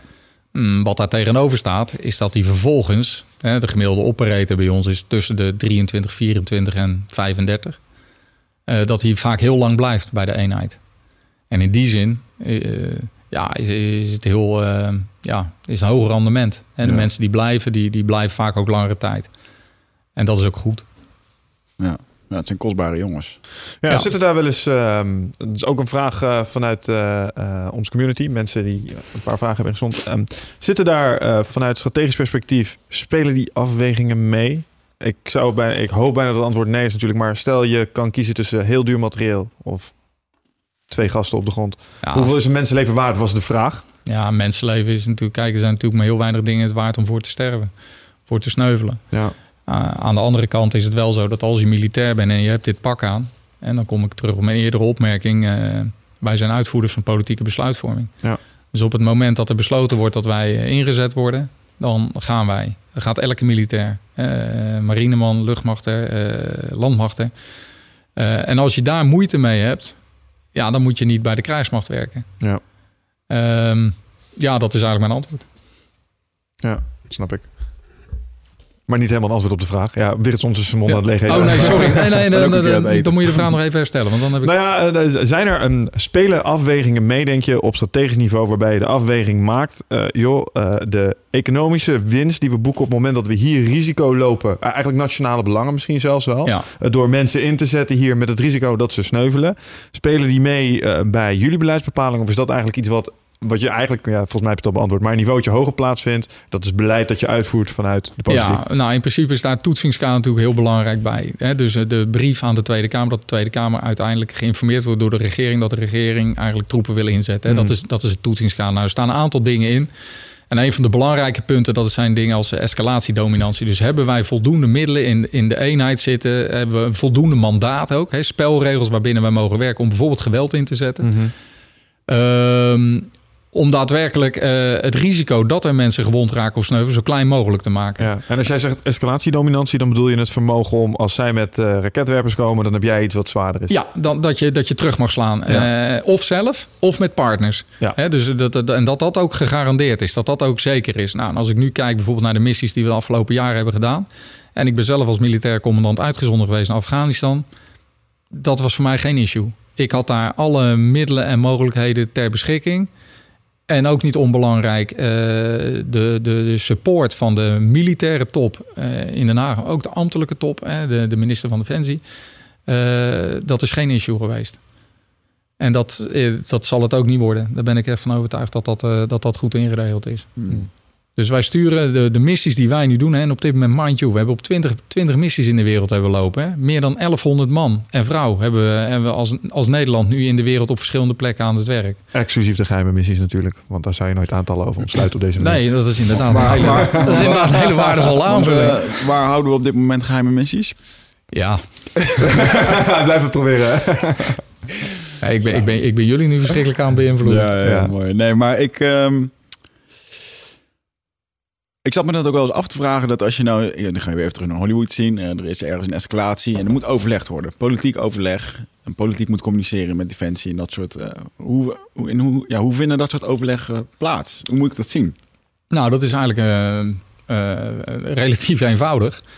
Ehm, als, er, als er missies plaatsvinden, dan gebeuren die onder verantwoordelijkheid van de minister van Defensie. Mm En de minister van Defensie heeft de commandant de strijdkracht, die natuurlijk daar de belangrijkste adviseur van haar is. En de, de CDS, hè, de commandant de strijdmacht, generaal Middendorp, die is verantwoordelijk voor alle operationele inzet all over the world. En dat zijn op dit moment, wat wat ik net al vertelde, 20 missies. En elke dag wordt hij gebriefd op alle missies eh, waar dat op dat moment relevant is. Kijk, als het, als het even rustig is ergens, dan, dan wordt dat een weekly update. Maar als het, zeker als ergens de spanningen oplopen, dan is elke ochtend eh, wordt hij erover geïnformeerd. Nou, als er echt hele risicovolle operaties op de rol staan, dan wordt daar apart over gebriefd. En als we bijvoorbeeld kijken naar de inzet van, eh, van Special Forces van het Korps Commandotroepen eh, en Marshof in, eh, in Afghanistan, dan is dat meer dan 65 keer geweest. En dan voor die risicovolle missies geeft niet alleen dus de internationale troepencommandant, de commandant van ISAF in dat geval in Afghanistan, maar ook de Nederlandse CDS, was toen generaal van nu, die geven daar approval voor. En de Nederlandse CDS, die zal dat ook terugkoppelen met de minister. Van luister, deze operatie zit eraan te komen. Dit en dit is het plan, dit en dit zijn de risico's. En dat is allemaal goed afgedekt. Eh, en dan gaan we daarmee aan de slag. Dus zo werkt het eigenlijk. Ja. Ja. Ja, want wat jij Ja. voor je ziet natuurlijk zijn ook die scènes die ik me daarbij voorstel. Dan heb je een man in een, eh, een mooi uniform, Ja, misschien precies. met wat decoraties. En dan staan er dan een paar gasten in pak naast. Ja, En die hebben tegenstrijdige meningen over wat er moet gebeuren. ja. Nou, Ja. Ik, ik, ik kan je zeggen dat... Nou, eh, kijk, het is natuurlijk altijd een gevaar wat op de loer ligt. Zeker in de moderne maatschappij waarbij je VTC's, hè, dus videoconferences, eh kan opvoeren. Dat, hè, wij noemen dat 1000 mile screwdriver. Dus dat er vanuit Den Haag, weet je, heel diep in die missie allerlei details door de eh, generaal hè, in, in Den Haag wordt ingeregeld en opgedragen. Nou, dat is, dat is gewoon niet zoals het werkt. Hmm. Screwdriver als in een schroevendraaier in schroevendraaier, motor. ja, precies. Een hele lange schroevendraaier om allerlei kleine details eh, te regelen vanuit, vanuit Den Haag in het inzetgebied. Van nee, eh, dat, dat bij wijze van spreken guidance zou komen vanuit Den Haag voor het tactisch optreden van een groepje op de grond die nu in Mali patrouille aan het doen is. Nou, Micromanagement. ja, exact. Dat is het risico wat, wat op de loer zou kunnen liggen, maar waar ik geen seconde wakker van lig, omdat het namelijk niet gebeurt. Ja, Nee, precies. nee. En dat is ook goed. Hè? De, de, de, de, de commandant, de strijdkracht, die stuurt eenheden uit. Die geeft ze een duidelijke taak. Die geeft ze een duidelijke roepset. Hè? De, de rules of engagement. En daarbinnen moet die commandant het optreden. Moet wel verantwoording afleggen. Ja. Weet je wel? Dus de commandant die nu in Mali zit. Hè? Dat is een van de, van de majors nu, nu, nu van het Korps Commandotroepen... die daar de, de Special Operations Task Group aanstuurt. Ja, die heeft, een- die heeft een hele duidelijke opdracht. Die weet wat hij moet doen. Die heeft ook veel vrijheid om daar invulling aan te geven. Die legt aan de ene kant verantwoording af aan de Deense Force Commander... En aan de andere kant aan Den Haag, aan de commandant de strijdkrachten, Ja. wat hij doet. Is dat ooit nog een keer een plek die eh, jij ambieert? Commandant de strijdkrachten? Nou, weet je wat het is? Dat, Want je, je bent relatief jong in, deze, in de functie van commandant van strijd... Van, eh sorry, korpscommandotroepen, hè? Ja, kijk, ik ben, ik ben, eh, ik, ik was eh, ja, 17, ja, twee dagen, net, net 18 toen ik naar de KMA ging. Dus Is ik, het ik- impertinent om naar de leeftijd van een kolonel te vragen? Nee, dat is niet impertinent. Mag ik nee, vragen oud je bent? Ik ben 48. Oké. Nee, maar kijk, wat je merkt is, hè, wat ik net al zei. eh, toen ik in dienst kwam, was de pensioenleeftijd 55 jaar. Mhm. Ja, die is inmiddels opgetrokken naar 60, 62. Ja. Snap je? Als je kijkt dat het aantal functies eh, kleiner wordt. Ook in de top. Hè, er zijn eh, echt een aanzienlijke hoeveelheid minder generaals dan een aantal jaren geleden. Dus het wordt steeds lastiger om, laat ik zeggen, als je, als je daar blij van wordt, door die rangen heen te gaan. Mhm. En wat ik ook denk ik eh, in mijn eenheid nu merk, is mijn, mijn rol nu is vooral, hè, wat ik net al aangaf, jonge officieren, en ook ervaren onderofficieren, om die beter te maken voor hun taak. En die major die nu in Mali zijn werk doet, daar daar ben ik 100% van overtuigd dat hij dat, dat, hij dat, dat hij dat goed doet. En wat ook belangrijk is om met dat soort mensen eh, gesprekken te voeren over hoe zij hun toekomst zien.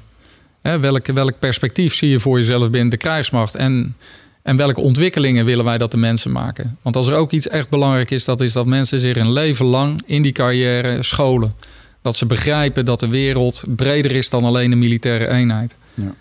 En, en dat doen we ook. Hè. Ik gaf net het voorbeeld. Ik ben zelf echt in de gelukkige omstandigheid geweest dat ik een jaar in Amerika heb gestudeerd. En dat je, dat je in een Amerikaans systeem zit met, met 80, 80 buitenlanders. Ik was de Nederlander. Je had daar de Argentijn of de Pakistaan. Mhm. Ja, maar dan heb je hele interessante discussies als je het hebt over eh, een conflict in het Midden-Oosten. Als daar iemand uit Libanon, een overste uit Libanon, met iemand uit Jordanië, met een Egyptenaar, met een Saoedi.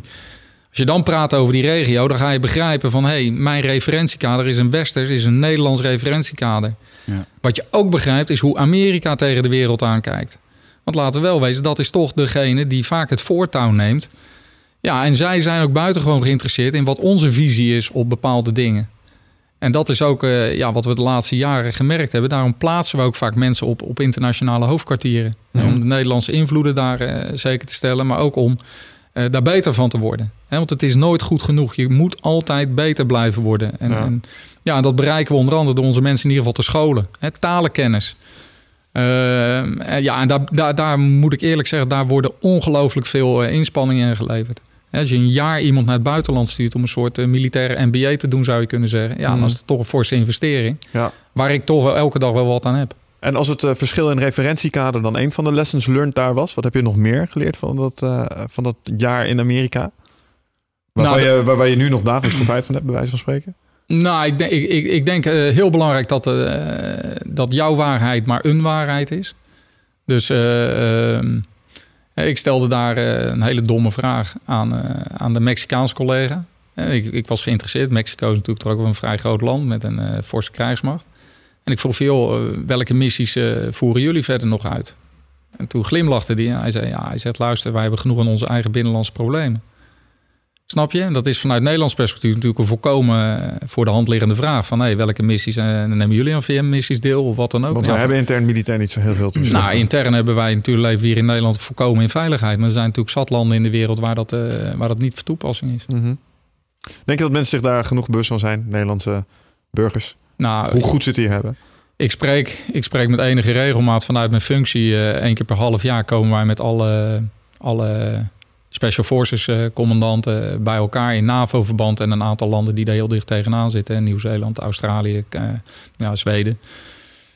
En als je dan praat met mijn Estse collega, dus de baas van de Estlandse SF-eenheden of met de Poolse SF-commandant, dan hebben die een hele andere blik op de wereld. En die veiligheid, waar je het net over hebt, die wordt heel anders gevoeld in Polen dan hier in Nederland. Ja. Eh, ik geloof dat ze drie maanden geleden een referendum hebben gehouden in Polen. En, en ik geloof dat 30, 40 procent van de Poolse bevolking verwacht dat binnen, 40, of binnen, binnen twee jaar.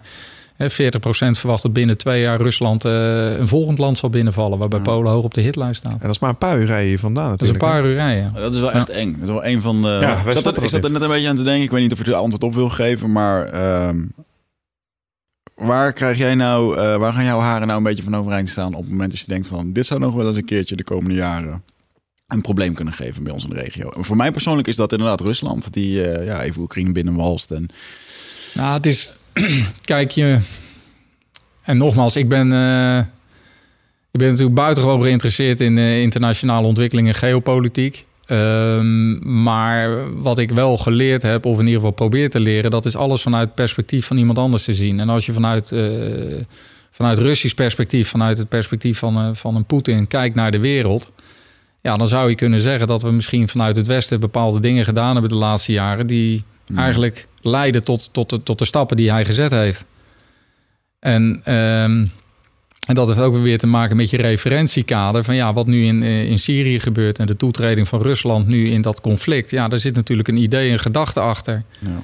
Wat je eigenlijk zou moeten proberen, maar dat is een samenspraak, denk ik, van aan de ene kant misschien militairen, maar zeker niet in de leidende rol, maar zeker diplomaten, eh, denktanks, eh, hè, eh, Klingendaalachtige instanties, HCSS, hè, de Hague Strategic Study. Dat zijn echt mensen die nadenken over internationale ontwikkelingen en wat het antwoord daarop zou moeten zijn. Ja, daarover kun je niet genoeg met elkaar praten. Ja. Vooral Ja. ook omdat de acties die je vervolgens in gang gaat zetten met de inzet van wat voor middelen dan ook, ja, daar een directe relatie mee hebben. Ja, eigenlijk zeg je, iedereen eh, die loopt met zijn eigen vooroordelen en biases rond. En door die specifieke gekleurde bril bekijkt hij de wereld natuurlijk. En dat wat voor ons waar is, hoeft bijvoorbeeld voor een Rus volledig niet waar te zijn. Ja, correct. Kijk, Ja. op het moment dat jij eh, richting Oekraïne of richting Georgië of eh, eh, als jij daar als EU of als NAVO eh, stappen zet, en dan, dan is het niet zo raar dat de tegenstander daar een bepaald gevoel bij krijgt en daar dus ook op gaat reageren. En misschien is dat wel, is dat wel voor een deel de kern van het probleem. Dat de inschatting van het effect. Hè, dat is iets wat ik ook al eerder aanhaalde. Ja, je, de actie die jij inzet, het effect wat dat creëert. Als je dat niet goed voorzien hebt. Ja, dan, dan, dan gebeuren er dingen die, je- die je wat minder kan controleren. Ja. En bij dat zelfleren kom ik dan toch eigenlijk ook weer om het cirkeltje rond te maken. En aan het begin van dit gesprek, eh, toen hadden we het over een masterclass die had gegeven voor een aantal CFO's. Eh, Ja. De kernles die ik daar, eh, die in eerste instantie uithaalde, was wees voorbereid. Be Ja. prepared. Denk na over uitkomsten, effecten waar je het net over had. Maar wat zijn andere kernlessen die je vanuit je eigen kennis en expertise het Ja. bedrijfsleven probeert mee te geven daarin? Mm, vertrouwen. Vertrouwen is denk ik de kern van leiderschap. En ehm, een voorbeeld wat ik in dat congres ook aangehaald heb is... het strategische dilemma, dat ging toen over van... eh, wat doen we met de Belucci-vallei? Eh, een andere vraag was, dat popt in één keer op. Eh, was een suicider. ehm, kreeg inlichting op zondagavond om 10 uur. eh, dat er de volgende ochtend, of in ieder geval ergens binnen de komende 24 uur... een suicider zich zou opblazen op de markt van Derawood. Eh, en de most likely target zou zijn de politiecommandant. En Derawood, een dorpje wat 60 kilometer verderop, had ook echt een geschiedenis met eh, historie met suicides. Ook een Nederlandse luitenant is daar ook bij een aanslag eh, een jaar daarvoor omgekomen. En de kernvraag was toen van luister, wat doen we met die informatie? Gaan we daarop handelen? Delen we die informatie met de Afghanen? Doen we zelf niks? Nou ja, dat, dat, dat blijft, dan, blijft dan heel lastig. Vooral ook omdat je, laat ik zeggen, op echt afstand zit. Nou, een van mijn ondercommandanten, eh, die was daar de regio-verantwoordelijke. En wat we toen gedaan hebben, is eigenlijk hem gebeld s'avonds om tien uur. Gezegd, Joost, dit is de informatie. Je hebt nu twee uur de tijd, maak je analyse. Kom met drie of vier opties. Wij doen hier op 60 kilometer afstand hetzelfde, parallel plannen. Dan kijken we of we die opties over elkaar kunnen leggen. En vervolgens gaan we besluit nemen. Nou, dat hebben we ook gedaan. Eh, besluit ook genomen. We hebben actie uitgevoerd. Hij heeft die actie uitgevoerd. Is ook succesvol geweest. Heeft die suicider gepakt. Dat was samen met de Franse eh Vreemdelingenlegioen hadden wij daar onder bevel. Met de Afghaanse politie, eh, met Amerikaanse SF. Maar de Nederlanders waren in de lead. Eh, succesvol geweest, dus dat is een mooie war story. Als het goed gaat, is het altijd fijn. Maar wat je daar dus van leert, is dat het besluit wat je kunt nemen om dat daadwerkelijk uit te voeren, gebaseerd is op het feit dat ik het volste vertrouwen had in die commandant die het op dat moment moet uitvoeren. Hmm. En dat is eigenlijk ook wel iets wat ik tegen, dan, tegen mensen uit het bedrijfsleven zeg. Als jij op afstand eh, mensen voor jou aan het werk hebt en er doet zich in één keer een crisissituatie voor. Dan is heel snel de neiging om centraal de besluiten te gaan nemen. Weet je wel, vanuit een risicogedachte van ja, kan die het wel aan om die besluiten te nemen. En eigenlijk zou je je voorwerk moeten doen, moeten investeren daarin.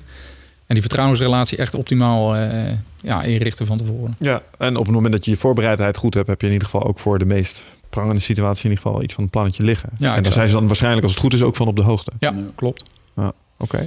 Dat zijn twee hele krachtige. Zitten daar nog aanvullende?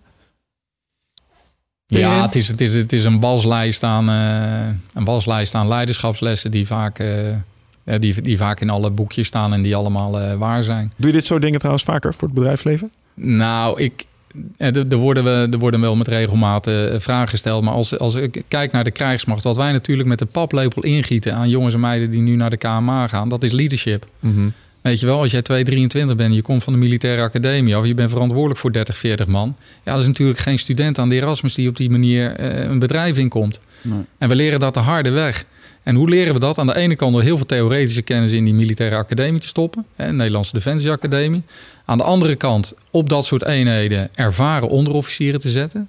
Die eigenlijk die leidinggevende, nou ik wil niet zeggen bij de hand nemen, maar ze wel wijs maken van joh, dit is heel verstandig om te doen, dit is minder verstandig. En dat is een leven lang leren. Hè, dus je, je bent continu ben je bezig om je te ontwikkelen. Je wordt continu in oefeningen gereflecteerd op ja, keuzes die je maakt, besluiten die je neemt. Je moet ook een cultuur hebben om fouten te mogen maken. Ja. Hè, eh, en een fout die je zelf nog wel eens maakt ook, dat is gelijk het hoogste te verwachten van iemand. Ja, maar hoe komt dat? Ja, je hebt zelf die functie gehad. Je hebt dat drie, vier, vijf keer zelf fout gedaan. Snap je? En, en dus geeft die ander ook die tijd om daarin te groeien. Nou, Ja. dat zijn lessen die zijn denk ik universeel ook voor het bedrijfsleven. Maar ook dingen als, als je uit twee plannen moet kiezen, kies het meest eenvoudige Ja. omdat je toch al weet dat dat plan in de uitvoering anders gaat uitpakken. Ja. Ja, en dan is een eenvoudig plan is makkelijker bij te sturen vaak. Ja. Ja, voortschrijdend nog wel... wel, wel Voortschrijdend wel- inzicht is een ding, ja. Dat, Ja. dat nee, klopt. maar dat is zo. Ik vind het wel goed. Ik kies vaak voor het moeilijke. Ja. Nou, ja, dat, van, ja, dat is inderdaad. Ja, ja, ja. Ik vind het wel heel logisch dat je het zegt. Dan denk ik van ja, hm, zit er inderdaad wat in. Nee, maar ook dingen als van neem een duidelijk besluit. Hm. Neem een duidelijk besluit, markeer dat ook. En communiceer dat besluit. En dat is chefzaggen. Ja. Dat is een commandantenzaak. Die commandant die moet dat uit kunnen leggen. Chefzaggen. Mooi ja, woord. chefzaggen. Ja. Ja. ja, maar eh, dat, dat, eh, zo is het wel. Ja. En geef mensen veel vrijheid. Push the power down. Dus dus eh, leg die verantwoordelijkheden laag op het niveau neer. Hou mensen eraan. Geef ze ook de ruimte om fouten te maken. Eh, ja, ik zou ja, afrekenen vind ik een verkeerd woord. Maar als mensen fouten blijven maken, dan moet je ook niet te beroerd zijn om dat te confronteren. Ja. Op een hele fatsoenlijke manier. Ja, en als het echt niet werkt, jongens, wij gaan geen commandanten nu wegsturen op een missie waar dan ook, eh, als wij niet het volste gevoel hebben dat die up to the job zijn. Volgens mij is dat de grootste winst die ik nu zie in het bedrijfsleven. Dat zijn die twee stukjes helderheid eh, die je geeft eh, met betrekking tot van... joh, eh, zorg ervoor dat mensen weten wat er moet gebeuren. Zorg dat ze weten, zeg maar, eh, dat de communicatie als er iets moet gebeuren... dit is het besluit, zorg dat je het uitvoert. En het stukje ehm, ja, confronteren, zeg maar, eh, het, het, het accountable houden van mensen voor hun daden... en het resultaat ervan. Ja. Maar wel altijd in een opbouwende en lerende capaciteit. Ja. En dat laatste stukje vinden mensen echt heel erg moeilijk. En dat is misschien wel een element wat mij erg aanspreekt. Dat het militaire, je weet altijd waar je aan toe bent omdat mensen niet bang zijn om jou te vertellen eh, wat je verkeerd hebt gedaan. En dat zie je in het bedrijfsleven. Ligt daar vaak zo'n ja, de mantel der liefde overheen. Dat doen we maar liever Ja. niet al te graag, want dat vinden we heel moeilijk. Nee, dat is zo. Ik moet wel zeggen dat heel vaak eh, mensen toch bij de krijgsmacht denken aan bevel is bevel en eh, je hebt niks te vertellen van onderaf. Nou, ik denk participatief als het kan, directief als het moet. Dat sch- beschrijft denk ik heel prima ook hoe de leiderschapsstijl eh, binnen Defensie gewaardeerd wordt. Maar duidelijkheid is, is wel een hele belangrijke. Maar wat ook belangrijk wel is, dat is het, het, het, het mobiliseren van de kennis aan boord. En laten we eerlijk zijn, als jij nu met een voertuig in Mali rondrijdt en je bent luitenant, kapitein, majoor, officier. En jouw chauffeur, soldaat, stopt de auto en die zegt van... kapitein, major, ik heb hier geen goed gevoel bij. Er zijn maar heel weinig officieren die dan zeggen van... joh, je moet je mond houden, gewoon doorrijden. Ja. Snap je? En dat zijn wel de dingen van de laatste 15 jaar. Maar het werkt natuurlijk ook niet als jij in het gevecht zit... dat we dan eventjes eh, relaxed een ronde tafelgesprek gaan houden... Ja. van joh, wie vindt dat we nu linksaf moeten of rechtsaf? Vind je er nou van? Ze ketsen hier eh, redelijk Ja. langs ons hoofd af. Ehm, fluiten we de hele doen? Ja. dingen in ons hoofd. Heeft Nou, thee? op, op, op zich gebeuren dat soort dingen ook nog wel eens... eh, omdat humor ook een heel belangrijk element is. Ja, Ja, dat ook een element, element van de commandoopleiding wat cruciaal is. Humor. Beetje- ja, zelfspot en humor. Lach om je eigen ellende. Heel Ja. belangrijk. Dat Ja. denk ik ook. Dus als jij in elkaar geslagen wordt met die banden, dan... eh, Dan je, dan sta ik aan de kant te lachen. Dat klopt. Nou ja. ja, dat eh, wordt in de regel altijd gelijk eh, gefilmd. En dan sta je met rode plekken, plekken en bloeduitstorting eh, ook te lachen. Dus dat is, Facebook, ja. dat is tof. Dat is de ontbering en dat, hoort- dat hoort erbij. mooi. We komen een beetje aan het einde. Ik, ehm, ja, wauw man, dit was Ja, echt tof. gaaf. Ik, sowieso, ten eerste hartstikke tof dat je hier bent geweest. Ehm, ehm, toevallig, onze show wordt gesponsord door Nutrifit. En ik kreeg toevallig eergisteren een mailtje van iemand, eh, van een Belgische militair, die zei, geven jullie ook kortingen voor militairen? ja, ja. Ik moet eerlijk zijn, we hebben toevallig wat interne eh, wisselingen gehad die veel geld hebben gekost. Waardoor ik heb gezegd van ja, dat doen we nu op dit moment niet. Maar, Maar na dit gesprek gaan we dat gewoon fucking Ja. doen. We gaan dat gewoon regelen. gewoon eens. En we gaan dat eventjes eh, voor militairen. Ik heb daar diep respect voor. Ik bedoel, ook voor de mensen die niet eh, pro-oorlog zijn of wat politiek ervan vindt. Ik bedoel, je kunt alles van vinden. Maar eh, de jongens en meiden die er staan en eh, van wat ze doen en de opleiding doen, Doen daar kan je alleen maar mooi. respect voor op, Ja. eh, opbrengen. Dus eh, het zijn niet alleen de commando's die de eindbazen zijn, maar ja, gewoon wat dat betreft iedereen bij Defensie. Ehm, ja, dus dat eh, voor Nutrifit.nl. Daar, eh, dat is de sponsor van onze show voor al je supplementen. Dus mocht je je gaan voorbereiden op een baan bij Defensie, dan eh, mag je daar eens even kijken. Eh anderzijds wil ik ook nog even terugverwijzen naar een andere podcast met Noël Brand. Eh, Ja. De marinier die eh defensieschema, defensietrainingsschema.nl heeft. Waarbij hij specifiek trainingsprogramma's aanbiedt voor de voorbereiding op Korps Commando Troepen Luchtmobiel Mariniers. Dus kijk er ook nog eventjes naar. En ehm, ja, eh, nu gaan we bij Michel waterboarden. Toch? Nou ja, volgens mij was dat afgesproken. Dus, Eh, ja, kolonel, hartelijk bedankt dat je hier bent geweest. En ehm, ja, eh, we gaan het zien volgend jaar. Hè? We gaan daar naartoe. ja, we gaan erheen. Ik heb er zin in. Mooi, dank Bedankt jullie voor wel. je tijd. Goed, dankjewel. Dag.